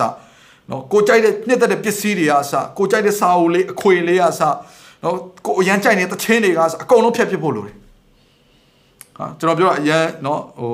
ဟာဒါတော့အရန်တစ်ဖက်ဆွန်းသွားလျောက်သွားပြီလို့နော်ထင်ကြအကြောင်းရှိတယ်မဟုတ်ဘူးအဲ့တဆေးဖြစ်နေလို့ကျွန်တော်ပြောနေတာတဆေးဆိုတာကလုံးဝမြင်ရတဲ့အရာမဟုတ်ဘူးတသေးလေးပဲနည်းနည်းလေးပဲဒါပေမဲ့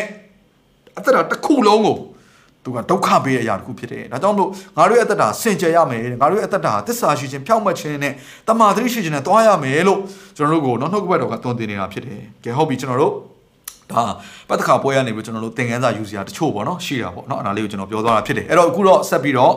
ခီးစဉ်လေးကိုဆက်သွားရအောင်အဲ့တော့သူတို့ကိုနောက်ဆုံးမှာ နော်ဖာရောပြင်ကအခါသွားပါဆိုပြီးသူတို့ကိုသွားခိုင်းပြီးတော့သူ့ကိုလည်းကောင်းကြီးပေးပါပေါ့စသဖြင့်ပေါ့ပြောတယ်ဒါပေမဲ့လည်းဖာရောပြင်ရဲ့နှလုံးသားခိုင်းပါတယ်ဆိုတာကိုနောက်ပိုင်းမှာတွေ့ရတယ်ဘာကြောင့်သူအနောက်ကပြန်ပြီးလိုက်လာတယ်နော်သူ့နှလုံးသားပြန်ပြီးတော့ခိုင်းပါတယ်အဲ့တော့ထွက်သွားတဲ့အခါမှာထူးခြားတဲ့အရာတစ်ခုပါလဲဆိုရင်ဣသေလလူမျိုးတွေအားလုံးဟာဆင်းရဲခြင်းနဲ့မထွက်သွားဘူးရွှေငွေနဲ့ထွက်သွားတယ်ဆိုတော့ကြည့်ပါပထမပိုင်းမှာနော်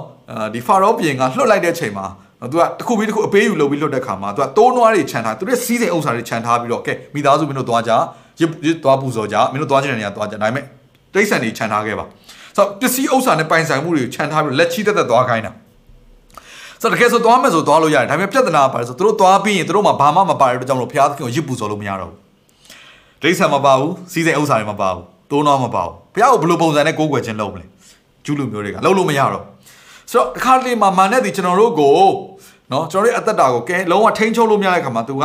နော် သူ့အနေနဲ့လက်လျှော့လိုက်တော်လဲပဲ तू လက်မလျှော့တဲ့အရာတချို့ကဘာလဲဆိုရင် तू ကကျွန်တော်တို့ရဲ့ပိုင်ဆိုင်မှုတွေဖြစ်တယ်ဒါပေမဲ့ဂျေဇုတော်ကဘာလဲဆိုတော့မောရှေကိုဘုရားသခင်ကမှားတယ်သွားတောင်းခိုင်းဆိုတဲ့ခါကျတော့နော်သူကမောရှေကလည်းပြောတဲ့ခါကျတော့ဣသရေလလူမျိုးဣသရေလလူမျိုးတွေကအာမနာဘူးနော်ဟိုမှာတော့သူများတွေကနော်တေနေဟိုသူတို့ရဲ့သားသမီးတွေအာသားဦးတွေတိတ်ဆန်နေဆိုတဲ့တခါသားဦးတွေကခါတေနေတဲ့အချိန်မှာနော်တိမ်မတော့အသေးကောင်မရှိတဲ့အိမ်တိမ်မမရှိဘူးလို့ကျမ်းစာကပြောတာဟုတ်ဒါပေမဲ့ဖခင်ကသွားတောင်းပါလို့ပြောတဲ့ကောင်သူတို့ဖခင်စကားကိုနားထောင်ပြီးတော့သွားတောင်းတဲ့ခါမှာတဲ့နော် ပုံမှန်ဆိုရင်စဉ်းစားကြည့်နော်ကိုယ့်အိမ်မှာစုံတယောက်တည်နေတယ်တယောက်ကလာပြီးတော့နော်ဟိုရပိုင်ခွင့်တောင်းတယ်အကျွေးတောင်းရင်တော့မှကျွန်တော်တို့ကဒါတော်တော်လေးရိုင်းတဲ့ကိစ္စတစ်ခုဖြစ်တယ်နောက်တစ်ခုကဘယ်သူမှလည်းပေးမှာမဟုတ်ဘူး။ဘာကြောင့်ဒီမှာအကြီးမားဆုံးပြဿနာတစ်ခုကြုံတွေ့နေရတယ်။နော်ဒါဟိုတေခြင်းနဲ့ဆိုင်တဲ့အရာတစ်ခုမိသားစုမှာကြုံတွေ့နေရတာဟုတ်။ဒါပေမဲ့ထူးခြားတဲ့အချက်ကဘာလဲဆိုတော့ဘုရားသခင်ကနော်အဲ့ဒီအထဲမှာပဲသူတို့ပေးခြင်းနဲ့စိတ်ဖြစ်အောင်လုပ်တယ်။ဘာကြောင့်ပေးခြင်းနဲ့စိတ်ဖြစ်အောင်လုပ်လဲဆိုတော့အဲ့ဒီသူတို့ရဲ့သားဦးတွေတည်တဲ့အတွက်ကြောင့်ပဲသူတို့ကပေးခြင်းတာဖြစ်တယ်။ဘာကြောင့်လဲဆိုတော့သူတို့အရန်ကြောက်သွားပြီ။ နော်အရင်တော့ဖာရောဘုရားအရန်နှလုံးသားခိုင်မာခိုင်မာဒါပေမဲ့အခုတော့သူ့ရဲ့သားဦးနဲ့တည်တဲ့အခါမှာတော့သွားကြတော့ဆိုပြီးတော့ជីជីဖြူဖြူနဲ့ခွင့်ပြုတဲ့အပြင်ဂျူးအဲ့ဒီဣသေလလူမျိုးတွေသွားတောင်းသမျှအရာခတ်သိမ်းကိုအဲ့ကုတို့လူတွေជីជីဖြူဖြူပေးကြတယ်ပေးပြီးတော့သွားကြပါဆိုပြီးတော့သူတို့ကနော်ဟိုသူကခွင့်ပြုလိုက်တာဖြစ်တယ်ဒါကြောင့်ဘုရားသခင်ရဲ့ကျွန်တော်တို့ကိုရွေးနှုတ်ခြင်းထုတ်ဆောင်ခြင်းတန်းမှာဘုရားသခင်ဒီတင့်ကိုကယ်နှုတ်တဲ့ခါမှာဘာဘာပါလဲဆိုရင်ကြွယ်ဝခြင်းမှာပါတယ်ဆိုတော့သိစေခြင်းတယ် နော်ဒါတော့ယုံကြည်သူတယောက်စဖြစ်လာတဲ့အချိန်မှာသူ့ရဲ့အသက်တာမှာရှင်လန်းခြင်းနဲ့ဝမ်းမြောက်ခြင်းနဲ့တောင်းနဲ့တောင်းသမျှစုတွေပြည့်တဲ့အရာတွေကျွန်တော်ဒါတက်တေခံချက်တွေအမြဲတမ်းကြားရတယ်ဒါပေမဲ့အဲ့ဒါကဘယ်ချိန်မှလဲဆိုတော့စပြီးတော့ယုံကြည်လက်ခံတဲ့ချိန်မှာဘာကြောင့်လဲဆိုတော့သူ့ရဲ့နိယာမဖြစ်တယ်ဘုရားရှင်နိယာမသူ့ရဲ့အသက်တာမှာဆုံးရှုံးသွားတဲ့အရာတွေနှစ်ဆကိုဘုရားသခင်ပြန်ပြန်ပေးလို့ရှိအောင်ကျွန်တော်အဲ့ဒါအဲ့ဒီကျမ်းစာလေးကျွန်တော်ဟာဖတ်ချင်တယ်နော်ဇာဂရိခန်းကြီးကိုငယ်စနစ်မှာအချုပ်ခံ၍မျှော်လင့်တော်သူတို့ရဲတိုက်တို့ပြန်လာကြလော ငါသည်နှစ်ဆသောဂျေစုကိုပြုအောင်မည်ဟုယနေ့ပင်ပြောထား၏နောက်တစ်ခုဖတ်ချင်တယ်ဟေရှား67အငယ်9သူတို့အဆက်ကွဲခြင်းအရာ၌နှစ်ဆသောအကျိုးကိုခံရ၍အတရေပြတ်ခြင်းအရာ၌လေသူတို့အဖို့ကိုခံစားလျက်ဝမ်းမြောက်ကြလိမ့်မည်သူတို့မြေ၌နှစ်ဆသောအဖို့ကိုအမွေခံရ၍သာဝရဖျားသာဝရဝမ်းမြောက်ခြင်းနှင့်ပြည့်စုံကြလိမ့်မည်ဟာလေလုယာအဲကြောင့်ဒီနေ့သင်ယေရှုကိုရသွားတဲ့လူတယောက်ရဲ့အသက်တာဟာနော်ဝမ်းမြောက်ခြင်းနှစ်ဆ နော်ကြွယ်ဝခြင်းနှစ်ဆနဲ့ဘုရားရှင်ကစပြီးတော့သူကရွေးနှုတ်လိုက်တာဖြစ်တယ်ဒါပေမဲ့နောက်ပိုင်းမှာတော့ဘုရားသခင်ကနော်ကျွန်တော်တို့ကိုကန်းလာရတဲ့ခေါ်သွားတယ်အဲ့ချိန်ကျရင်တော့နော်ကျွန်တော်တို့ဘေးနားမှာစောစောရွှေငွေတွေပေးမဲ့လူတွေမရှိတော့ဘူးနော်စောစောယူလာတဲ့ရွှေငွေတွေကပင်နေဘုရားရှင်ကိုးကွယ်တဲ့အရာတွေပြန်လုပ်ရပြီဆိုတော့လက်ထဲမှာရွှေငွေတွေမရှိတော့ဘူးဒါကိုပြောချင်တယ်ဒါဆိုအဲ့ဒါကတော့ဘာအဓိပ္ပာယ်လဲလို့ပြောရင်ဘုရားကကျွန်တော်တို့ကိုတာ၍ရင့်ကျက်ဖို့ရန်ဖြစ်တယ်သဘောပေါက်လားမသိဘူးနော်အဲ့တော့ယုံကြည်သူရဲ့အတ္တကြွယ်ဝရလားဆိုကြွယ်ဝတယ်ဒါပေမဲ့အမြဲတမ်းကြွယ်ဝနေရလဲမဟုတ်ဘူး ကန္နာရအသက်တာဂျိုင်ဝမ်အသက်တာနော်ဆင်းရဲချက်အသက်တာတွေကျွန်တော်ကြော်ဖြတ်ရတယ်အဲ့ဒါတွေကဘာအတွက်လဲဆိုရင်ကျွန်တော်တို့ရဲ့အသက်တာထဲမှာခရစ်တော်နဲ့တာ၍တူလာဖို့ရန်ဘုရားကလေ့ကျင့်ပေးတာဖြစ်တယ်ဒါပေမဲ့နောက်ဆုံးမှာတော့ပါတယ်ဂျေဇုပြုလို့တော့ငါဒါလေးကိုလည်းမမေ့စေချင်ဘူးအဆုံးသက်ကတော့ဘာပဲလဲဆိုတော့ညင်ဝချမ်းချမ်းသာကိုကျွန်တော်ဝင်စားရတာဖြစ်တယ်ဒါကြောင့်ဒီຢာလေးကိုနားလည်စေချင်ပါတယ်အဲ့တော့ခရီးစဉ်ကိုကြည့်လိုက်တဲ့အခါမှာတို့ နော်ရာမသက်ရာနော်ရာမသက်မြို့ကနေသူကုတ်နော်အဲ့တော့ကျွန်တော်အခုဒါကျန်းစာထဲမှာပါတဲ့မြို့လေးတွေဘယ်နားမှာရှိလဲဆိုတော့ကိုမြေပုံလေးနဲ့ပြခြင်းနဲ့မြေပုံလေးကိုကြည့်ပါနော်ကြည့်ပါနော်အခုအဲ့မြေပုံလေးမှာအဲ့မှာသူတို့ အာသူတို့ဂေါရှင်ရက်ကသူတို့စထွက်လာတာပေါ့နော်ဆိုတော့ဂေါရှင်ရက်မှာသူတို့နေရာချတာကိုအရင်ရောသက်ခက်ကလေးကဆိုတော့အဲ့ကနေထွက်လာတယ်ထွက်လာပြီးတော့သူတို့အာအမှအမှမြင်ရတယ်နော်ယာမသက်ကနေသူကိုသူကိုကနေအေတန်အေတန်ကနေနော်အာပီဟရီရိုမျိုးဆိုတဲ့အရာတွေအားလုံးအဲ့တနေရာထဲမှာပဲရှိတယ်ဘယ်နားမှာလဲဆိုရင်ဒီအေဒုံပင်လယ်နားမှာဖြစ်ရှိတယ်ဆိုတော့အေဒုံပင်လယ်ကိုအခုမြေပုံမှာဆို Red Sea လို့ကျွန်တော်တွေ့ရတယ်မယ်နော် Red Sea ဒါပင်လယ်နီလို့လည်းပြောတယ်အဲ့တော့စထွက်လာတဲ့အခါမှာကျန်းစာဘလို့မှတ်တမ်းတင်လဲဆိုယောက်ျားကြီးပဲ6သိန်းဆိုတော့လူအမှသူတို့ရဲ့လူကြီးတွေပါမယ် ပြီးတော့ကလေးတွေပါမယ်မိန်းမတွေပါမယ်ဆိုတော့အားလုံးပေါင်းဆိုရင်2တန်းကနေ3တန်းမှာရှိတယ်ပေါ့နော်3တန်းပတ်ဝန်းကျင်မှာရှိနိုင်ငံတကာနိုင်ငံစာလောက်လူတွေကနေထွက်လာကြတာဖြစ်တယ်ဆိုတော့အဲ့ထဲမှာဘာတွေဘယ်သူတွေပါလာလဲဆိုတော့ကျန်းစာကိုဖတ်လိုက်တဲ့အခါမှာနော်အာထွက်မြောက်စနစ်38မှာအမျိုးမျိုးသောလူအများတို့သည်လည်းတိုးနွားအဆရှိသောများစွာသောတရိษံတို့နှင့်တကွာလိုက်ကြ၏ဆိုတော့ ဖြစ်ချင်တော့အဲ့ဒီအဲဂုတုပြည်မှာရှိတဲ့လူအဲဂုတုလူမျိုးတွေနဲ့မကဘူးအဲ့ဒီနီနာပတ်ဝန်းကျင်ကနော်တစ်ချိန်လုံးကရောသက်ခစ်ကလေးကတခါတည်းဒီအစာအစာခေါင်းပါလို့လာပြီးတော့တဲခိုကြတဲ့လူတွေပေါ့နော်ပတ်ဝန်းကျင်အနီနာလူမျိုးစုံရှိတယ်သူတို့ကဒီသူတို့မျက်စိရှေ့မှောက်မှာဘုရားသခင်ပြုတဲ့နမိတ်လက္ခဏာနဲ့ဒီရွေးနှုတ်ကဲနှုတ်ချင်းကိုမြင်ရတဲ့ခါမှာသူတို့ကတခါတည်းသူတို့တွေကလည်းကပ်ပြီးတော့လိုက်လာကြတယ်ဆိုတော့တွေ့ရတယ်ဆိုတော့နောက်ပိုင်းမှာတော့အဲ့ဒီလူတွေကြောင့်ပဲဘာဖြစ်လာဆိုဣသရေလလူမျိုးတွေကြားထဲမှာသူတို့အဲဂုတုကိုပြန်ပြန်သွားခြင်းနဲ့စိတ်တွေဝေဖန်ဖြစ်တဲ့အရာတွေအားလုံး နောက်ဆုံးမှာเนาะဒီရွှေနွားရုပ်ထုကိုတုံမီကိုးကွယ်တဲ့အရာတွေအားလုံးမှာပြောမှာဆိုဒီလိုမျိုးဂျားတဲ့လိုက်လာတဲ့လူတွေအားဖြင့်လဲ နော်စုံစမ်းနောက်ဆက်ခြင်းကိုခံစားရတဲ့အရာဖြစ်တယ်လို့ကျွန်တော်ဒီလိုပဲသုံးသပ်လို့ရတာပေါ့အဲ့တော့ကျွန်တော်တို့ဒါဝိညာဉ်ရေးကသဘောတရားရဘာသဘောပေါက်ဖို့လဲလို့လဲဆိုရင်ဒီဓမ္မသစ်မှာလဲယေရှုခရစ်တော်ကနော်အာဒီမဿဲခန်းကြီး73မှာဆိုရင်သူဥပမာနှစ်ခုနဲ့ပြတယ်ကောင်းကင်နိုင်ငံတော်ကဘယ်လိုပုံစံမျိုးလဲဆိုတဲ့အရာသူကပထမတစ်ခုကတောမျိုးစေးနဲ့သူကပြတယ်နောက်တစ်ခုကတော့မကောင်းတဲ့ငါးနဲ့ပြတယ်ဆိုတော့တောမျိုးစေးနဲ့ပတ်သက်ပြီးတော့ပြောတဲ့အခါမှာယေရှုခရစ်တော်ကနော်ဒါမျိုးကောင်းသောမျိုးစေးကိုကျဲတော်သူကတော့ဘုရားသခင်ဖြစ်တယ် ကျဲတဲ့လဲဆိုတာကဒီလောကဖြစ်တယ်ဒါပေမဲ့တပြက်အဲ့တော့အိတ်နေတဲ့အချိန်မှာဘယ်သူလာကျဲဘယ်သူကလာကျဲလဲဆိုတော့ရန်သူဟာတဲ့တော့တောမျိုးစေ့ကိုလာကျဲသွားပြီးတော့ပုံတရံတူစွာဖြစ်ပေါ့နော်သူတို့ကကြီးကြီးထွားလာကြတယ်ဒါနဲ့နော်ဒီအာလဲပိုင်ရှင်ကိုပြောတယ်ပေါ့နော်တခင်ကျွန်တော်တို့ဒီ နော်တောပင်တွေကိုရွေးနော်ကျွန်တော်ဆွဲနှုတ်ရမလားလို့ပြောတဲ့အခါမှာသူကပုံစံတူတဲ့အတွက်ကြောင့်မလို့ကောင်းတဲ့နော်ဒီမျိုးစေ့တွေမျိုးပင်တွေပါသွားစရာရှိတယ်ဒါကြောင့်မလို့နောက်ဆုံးသောကာလရောက်တဲ့အချိန်ကျမှပြောမှဆိုရင်နောက်ဆုံးတရားစီရင်ခြင်းရောက်တဲ့ခါကျမှဒီအုပ်စုစုကိုတီးကြဖယ်ပြီးတော့ဒီတောမျိုးစေ့တောမျိုးပင်တွေအားလုံးကိုခါနောက်ဆုံးမှမီးထဲမှာချမယ်ဆိုတဲ့အရာလေးကိုပြောပြတယ်ဆိုတော့ပြောရမယ်ဆိုရင်ဒီလောကမှာယုံကြည်သူလိုပုံစံမျိုးပုံစံတူတွေအများကြီးပဲဒါကြောင့်ခရိယန်လို့ပြောတိုင်းလည်းအဲ့ဒါခရိယန်စစ်မဟုတ်ဘူးနော် မွေးကလေးကခရိယန်ဖြစ်ပါတယ်လို့ပြောရင်လည်းသူကတနေ့တရားစီရင်ခြင်းမှာဘုရားသခင်နဲ့အတူနော်ရှိရမယ်ဆိုတဲ့အရာနော်တေချာပေါက်ပြောလို့မရဘူး။ဒါဆိုရင်ဘုရားသခင်ကသူနဲ့အတူထာဝရကာလကိုကြော်ဖြတ်ရမယ်ဆိုပြီးတော့နော်တေချာစေဖို့ရအတွက်ဆုံးဖြတ်တာဘယ်သူပဲရှိလဲဆိုရင်အသေးအောင်စရာမဟုတ်ဘူး။ဘုရားသခင်တပါးပဲရှိတယ်။ဘုရားသခင်တပါးတည်းပဲဆုံးဖြတ်ခြင်းကိုပေးနိုင်တယ်သင်ကယ်တင်ခြင်းရလားမရဘူးလားသင်ဟာရွေးနှုတ်ခံရတော်သူလားသင်ဟာထာဝရနော်ဘုရားခင်အတူသွားရမယ်လူလားသင်ဟာငရဲကိုသွားရမယ်သူလားအဆုံးဖြတ်ပေးနိုင်သောတရားသူကြီးကယေရှုခရစ်တော်တပါးပဲရှိပါတယ် သင်းအောင်ဆရာကဂျားတွေကဝင်ပြီးဆုံးဖြတ်ပေးလို့မရဘူး။သင်းအသင်းတော်ဆိုင်ဘုတ်အကြီးကြီးကလည်းဆုံးဖြတ်ပေးလို့မရဘူး။ဘုရားကြောင့်ဘလောက်ပဲကြီးကြီးဘလောက်ပဲတည်တည်အဲ့ဒါတွေနဲ့ဘာမှမဆိုင်ဘူး။ Okay ။ဆိုတော့ကယ်တင်ခြင်းနဲ့ဆိုင်တဲ့အရာဘုရားခင်နောက်ဆုံးမှတနေ့ကျရင်တရားစီရင်ခြင်းနဲ့ဆိုင်တဲ့အရာကိုလှုပ်ဆောင်မဲ့လူကယေရှုခရစ်တော်တပါးပဲဖြစ်တယ်။ဆိုလိုချင်တာကကျွန်တော်ကဘာကိုပြောချင်တာလဲဆိုတော့ကျွန်တော်တို့ခရိယန်တွေထဲမှာပင်လင်နော်နော်ယုံကြည်သူလိုလိုပုံစံတွေအများကြီးရှိတယ်ဆိုတော့ဒါကတော့ နော်ကျွန်တော်တို့ဒါခရစ်တော်ကအဆုံးဖြတ်ပေးမှာဖြစ်တယ်ကျွန်တော်တို့ကလက်ညှိုးထိုးပြီးတော့ဒါကတော့အတုဒါကတော့အစစ်ဆိုပြီးတော့ကျွန်တော်တို့ဘာမှပြောပိုင်ခွင့်မရှိဘူးเนาะကျွန်တော်တို့စမ်းစဲရမယ့်ရာတူကတင်ကိုယ်တိုင်ကတင်ကိုယ်တိုင်ကစိတ်ချမှုရပြီလေဒါပဲဒါအရေးကြီးဆုံးဖြစ်တယ်ဆိုတော့ကျွန်တော်တို့ဒီဇလန်တွေကိုလေ့လာတဲ့ခါမှာเนาะကိုကိုယ်တိုင်ကလည်းအာကိုကိုယ်တိုင်ကလည်းကိုယ့်ကိုယ်ကိုစမ်းစစ်တတ်ဖို့အရင်ရေးကြီးပါတယ်เนาะပြီးဆိုတော့ကျွန်တော်တို့ရဲ့အသက်တာထဲမှာကျွန်တော်တို့ရဲ့အသက်ကအချိန်မရွေးပျောက်သွားနိုင်တယ်เนาะကျွန်တော်တို့ရဲ့ အသက်အရွယ်နဲ့မဆိုင်ဘူးเนาะကျွန်တော်တို့ကျမ်းမာနေတာနဲ့လည်းမဆိုင်ဘူးကျွန်တော်တို့အိမ်မာနေနိုင်လို့လည်းကျွန်တော်တို့ကျွန်တော်ဟာတော့စိတ်ချပြီးလို့လည်းပြောလို့မရဘူးကျွန်တော်အသက်တာအချိန်မြေးပျောက်သွားနိုင်တယ်အဲ့တော့ကျွန်တော်ရဲ့မိကွန်းကပါလို့ဆိုဒီနေ့ညမှာပဲဒီနေ့မှာပဲသင်ရဲ့အသက်ကိုဖះရှင်ကနှုတ်သွားပြီဆိုရင်ဒီနေ့ဒီနေ့ဟာသင်ဘဝအတွက်နောက်ဆုံးသောနေ့ရက်ဖြစ်တဲ့ဆိုရင်သင်ဟာတေချာပေါက်ကောင်းကင်ဘုံရောက်မယ်တေချာပေါက်ဖះသခင်ရင်ဝင်တော်ထဲမှာနေရမယ်ဆိုတဲ့အကြောင်းစိတ်ချမှုရပြီလားစဉ်းစားပါမနေ့ပြန်ဆိုအောင်မစဉ်းစားဒီနေ့မှာဆိုကဲတင်ချင်းဆိုတာအဲ့ဒါပဲ ကဲတင်ချင်းဆိုတာကဒီနေ့အတွက်ဒီနေ့အတွက်ငါဒီနေ့ဖះခေါ်သွားရင်ငါဒီနေ့ဖះသခင်စီရောက်သွားရင်ငါကဲတင်ချင်းရမယ်ငါတာရုသစ္စာရှိသောငယ်သားကောင်းလို့ပြောခံရမလားငါလောက်အောင်အမှုကိစ္စတွေမြေကြီးပေါ်မှာပြီးသွားပြီလားဒါကိုစဉ်းစားမှာနော်ငါဘလောက်ဘိုက်ပြပညာတွေထပ်တင်အောင်မယ်ငါဘလို့ငွေကြေးတွေရှာလိုက်အောင်မယ်ဆိုတာတွေကပထမဦးစားပေးမဟုတ်အဲ့ဒါတွေကရှိတယ်မှန်တယ်ဒါပထမဦးစားပေးကဒီနေ့မှာဘုရားသခင်ရှင်ငါမတ်တရရမယ်ဆိုရင်ဘုရားသခင်ချီးမွမ်းခံတော်သူဖြစ်ပြီလားဘုရားသခင်ရှင်မငါအပြစ်အားလုံးအတွက်ငါ နှောင်နောင်တနှလုံးသားနဲ့ကြိုးပက်ခြင်းဝနှလုံးသားတိုးဝင်ချင်းကပ်ပြီးပြီလားဒါကိုစမ်းစစ်ဖို့ဖြစ်တယ်ဒီနေ့မရမဟုတ်သေးဘူးတင်မသိကြမရရဖြစ်တယ်ဆိုရင်ဒီဒီနှုတ်ကပတ်တော်နားထောင်ပြီးရတယ်တပြိုင်တည်းသင်ရဲ့အသက်တာမှာတခါတည်းဘုရားသခင်ရှင်မဒူးထောက်ပြီးတခါတည်းကိုတော့ဒီအပြစ်တွေအတွက်ကျွန်တော်ကျမရဲ့အပြစ်တွေအတွက်ကိုရောရှင်မှာဝန်ချတောင်းပန်ပါတယ်ဆိုအသက်တာကိုစက္ကန့်အနံ့မှာအနည်းမြန်เนาะကျွန်တော်ရဲ့အသက်တာဘယ်တော့ကုံဆုံးမယ်ဆိုတော့ကျွန်တော်မသိနိုင်ပါဘူးအဲ့တော့နောက်ထပ်ဥပမာတစ်ခုကတော့ဒါမကောင်းတဲ့ငါပေါ့เนาะတဏီကကောင်းကင်နိုင်ငံတော်ဒီပင်လယ်၌ချား၍အမျိုးမျိုးသောငါတို့ကိုအုပ်မိသောပိုက်ကွန်နှင့်တူ၏ ငါနှင့်အပြည့်ရှိသောအခါတန်ငါတို့သည်ကုန်းပေါ်သို့ဆွဲတင်၍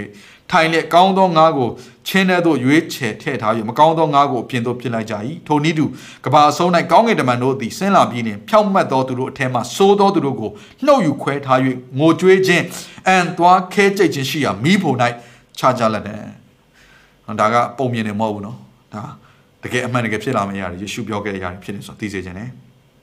ကဲအခုကျွန်တော်ဆက်ပြီးတော့ပြောချင်တဲ့အရာကတော့เนาะယောသက်ရဲ့အကြောင်းလေးဖြစ်တယ်เนาะယောသက်ကအဲဂရုပြည်ကိုစရောက်တဲ့လူဖြစ်တယ်အဲ့တော့သူကစရောက်တဲ့အချိန်ကနေနောက်ထပ်နှစ်400ပေါ့နော်တော်တယ်မှာသူ့ရဲ့လူတွေကြုံခံရမယ်ဆိုတဲ့အရာကိုသူကကောင်းကောင်းသိတဲ့အပြင်အဲ့ကြုံဘွားကနေလွတ်မြောက်မယ်ဆိုတော့ကောင်းကောင်းသိတယ်ဆိုတော့သိနိုင်တဲ့အရာနှစ်ခုရှိတယ်တစ်ခုကသူကအစတည်းယူပါယုံအမြဘုရားစကားပြောတဲ့လူဖြစ်တယ်ဒုတိယတစ်ခုကတော့နော်အစကတည်းအာဗြဟံကိုဘုရားရှင်ကနော်ကပ္ပဦးကျန်ခန်းကြီး15မှာကလေးကနှစ်400ကြုံခံပြီးသွားတဲ့အခါမှာသူတို့ကနော်စကဲကိုစီးစိမ်နဲ့နော် ရွှေငွေနဲ့ငွေနဲ့တခါလေသူတို့လွတ်မြောက်ခြင်းရမယ်ဆိုတော့ကြိုပြီးတော့ပြောခဲ့တယ်ဆိုတော့နော်သူတို့ဒီကဆိုအာဗြဟံကယောသရဲ့နော်သူကဟိုဘောနော်ပြောမယ်ဆိုရင်အဘိုးအဘေးပေါ့နော်ဆိုတော့40မြောက်ဖြစ်တာဟုတ်ဆိုတော့40မြောက်ဖြစ်တဲ့အတွက်ကြောင့်မလို့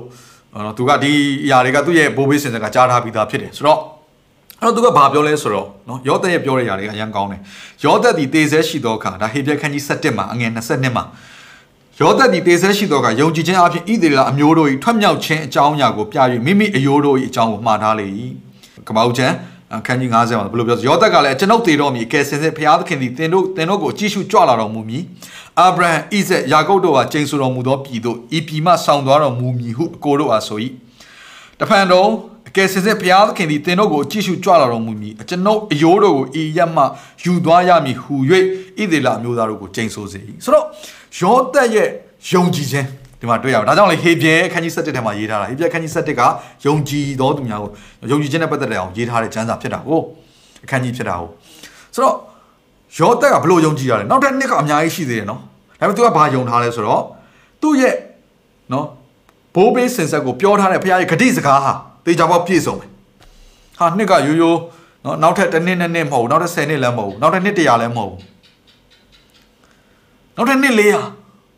နောက်တစ်နှစ်400ပြင်တေချာပေါက်တာနော်ထွက်ရမယ်အဲ့ချိန်ကျရင်ငါအယိုးတွေကိုယူသွားပါဆိုပြီးတော့သူကသူ့ရဲ့ယုံကြည်ခြင်းကတခါအဲ့ထွက်မြောက်ခြင်းစီစီကိုလှမ်းပြီးမြင်ထားပြီးသားဖြစ်တယ်သူရဲ့ယုံကြည်ခြင်းကရောဘယ်နည်းရဲ့လဲချို့သောသူတွေကတရားဟောလိုက်တဲ့ခါမှာယုံကြည်ခြင်းတရက်ခံတာရှိတယ် ယုံကြည်ခြင်းတစ်ပတ်ခံပြီးတော့နောက်တစ်ပတ်ပြန်ပြီးတော့တစ်ခါပြန်ခွန်အားယူရတယ်ယောသက်ကတော့သူ့ရဲ့ယုံကြည်ခြင်းကနောက်ထပ်သူမမြင်ရပေမဲ့သူကနော်နောက်တစ်နှစ်ပေါင်းယာနဲ့ချီပြီးတော့မြင်ပြီးတော့အဲ့ဒီမှာမင်းတို့တေချာပေါက်ထွက်မြောက်ခွင့်ရမယ်အဲ့ကြရင်ငါယူကိုယူသွားပေးပါအခုပဲတခါလေအဲ့ဒါကိုယူမယ်လို့အခုတခါလေမင်းတို့ဂတိပေးပါဆိုပြီးတော့ဂတိတောင်းတယ်ဆိုတော့ तू ကတေးတာတေးသွားတာဘာနဲ့တေးတယ်ဆိုယုံကြည်ခြင်းနဲ့တေးသွားတာ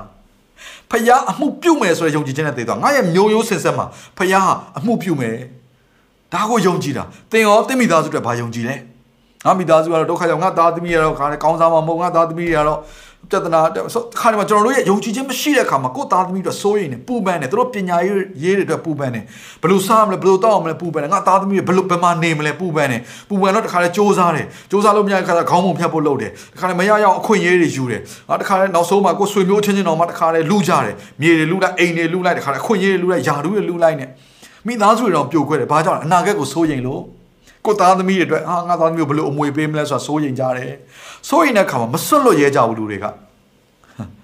ပေမဲ့ယောသက်ကတော့ယုံကြည်ခြင်းနဲ့တည်သွားတယ်ကျွန်တော်ပြောမယ်တည့်ရတဲ့မှာနေတိုင်းယုံကြည်ခြင်းနဲ့ရှောက်လန်းမယ်ဆိုရင်ပစ္စည်းလူတဲ့ကိစ္စတွေပေါ်မှာမဟုတ်ယာလူလူတဲ့ကိစ္စတွေလည်းပေါ်တာမဟုတ်ဘာမဆိုအချိန်မရွေးပေးနိုင်တဲ့လူတယောက်ဖြစ်လာလိမ့်မယ်ဆွလွတ်နိုင်တဲ့လူတယောက်ဖြစ်လာလိမ့်မယ်အဲ့ဒါအပြင်ဘာပဲဘလောက်ပဲကိုယ့်တက်တာတွေအကုန်ဆုံးသွားအကုန်ဆုံးသွားငြိမ်သက်ခြင်းအပြည့်နဲ့ ဘုရားသခင်ငါအသက်တာငါမိသားစုငါမျိုးရိုးတွေကနေပြီးတော့ဘုရားရှင်ကြီးတော်မှုပြုမယ်ဆိုတော့အဲ့ဒီယုံကြည်ခြင်းနဲ့သင်နော်သင်ရဲ့အသက်တာကုန်ဆုံးလို့ရတယ်အဲကြောင့်တဲ့တဲ့မှာလိုနေတဲ့အရာပါတယ်ငြိမ်သက်ခြင်းတွေလိုနေတဲ့အရာဘုရားပေါ်မှာစိတ်ချခြင်းဖြစ်တယ်ဘုရားကိုစိတ်ချစမ်းပါဟာလေလုယာဘုရားသည်တင့်မိသားစုကိုတေချာပေါက်ကဲကိုကဲတင်မယ်အဲ့ဒါကိုစိတ်ချပါအာမင်သင်ကတော့ဘုရားခင်ကိုစုပ်ကိုင်ထားဖို့ရည်ချီတယ်အာမင်ဣသရေလလူမျိုးတွေကိုဘုရားရှင်ခေါ်ထုတ်သွားတဲ့ကမှာအစကတည်းကသူကနေကင်းဘက်မှာမိုးအဲ ဆိုတာမိုးတိမ်တိုင်းညဘက်မှာသူကမိတိုင်အဖြစ်ဘုရားရှင်ခေါ်သွားတယ်ဆိုတော့ဒါကိုကျွန်တော်တို့သိပါတယ်မိုးတိမ်တိုင်းကတော့ဒါကန္နာရဖြစ်တော့ကြောင်းမလို့သူဒီအေးတက်ကိုပေးတယ်အရေးကိုပေးတယ်အရှိကနေဦးဆောင်တယ်မိရကြတော့သူကအနှွေးတက်ကိုပေးတယ်ဆိုတော့ဒါကန်နာရမှာအင်ဗရာမှာချမ်းအေးတဲ့နေရာမှာပေါ့နော်ဒါဒီလိုပုံစံမျိုးလေးစဉ်းစားလို့ရပါတယ်အဲ့တော့သူတို့ကိုအဲ့လိုမျိုးဘုရားသခင်ဥဆောင်ပြီးခေါ်သွားတဲ့အခါမှာအနောက်ကလိုက်လာတဲ့သူကအာနော်ဘာလို့လဲဆိုဖာရောဘုရင်နဲ့စစ်တပ်ဖြစ်တယ်အဲ့တော့သူတို့ကဘယ်ထဲရောက်သွားပြီလဲအကျဉ်းချက်ထဲရောက်သွားပြီ အကျဉ်းချက်ထဲရောက်သွားတဲ့အခါမှာဒီလောက်ထိနမိတ်လက္ခဏာကြီးကြီးမားမားတွေကိုမြင်ခဲ့ရပြီမယ်သူတို့စပြီးတော့ပြောတဲ့အရာကဘာလဲဆိုတော့ငါတို့ကိုဒီကန္နာထဲမှာတည်ဖို့ဘာကြောင့်ခေါ်လာရလဲအခုတော့ဒါအခုလူပြည်တော်အီဂျစ်ပြည်တော်မကြော်သေးဘူးနော်အီဂျစ်ပြည်နယ်မလှမ်းမကမ်းမှာပဲရှိနေသေးတယ်အဲ့ဒီချိန်မှာတော့မှသူတို့ကအခုလိုမျိုးအချင်းချက်တဲ့ကိုရောက်တယ်တစ်ဖက်မှာသူကနော်ပြေးလို့မရတဲ့နေရာတစ်ဖက်မှာပင်လေနောက်ဒီဘက်တစ်ဖက်မှာကျတော့နော်အနောက်ကစစ်တပ်ကလိုက်လာပြီအဲ့ဒီချိန်မှာသူတို့ပြောတဲ့စကားကအံ့ဩစရာကြီးပဲနော်ငါတို့ဒီဤတော၌သေးရသည်ထက်အဲဂုတုလူတို့ထံ၌အစေကြုံခံလင်တာ၍ကောင်းသည်ဟု ဆိုကြ၏ဆိုတော့လူဆိုတဲ့သဘောကကျွန်တော်ယုံကြည်သူတွေရဲ့သဘောတရားကအခက်ခဲချင်းချက်ကိုရောက်လာပြီဆိုကြောက်တတ်တယ်နောက်တစ်ခုဒီထွက်မြောက်ရာအာထွက်မြောက်တဲ့အကြောင်းကိုပြောရတာပြောတာဖြစ်တဲ့အကြောင်းမလို့ခရီးစဉ်ကိုပြောတာဖြစ်တဲ့အကြောင်းမလို့ကျွန်တော်ယုံကြည်သူတွေကစပြီးတော့ယုံကြည်လက်ခံလဲလာတဲ့အခါမှာမာနဘက်ကလှုပ်တဲ့ຢာတကပြန်ဆွဲတာဖြစ်တယ်စုံစမ်းနောက်ဆက်ခြင်းဒါကြောင့်မို့ယုံကြည်သူတယောက်ဖြစ်လာဖို့ရန်ဆိုတဲ့ကိစ္စမှာဝိညာဉ်တိုက်ပွဲကဖြစ်နေတာသူက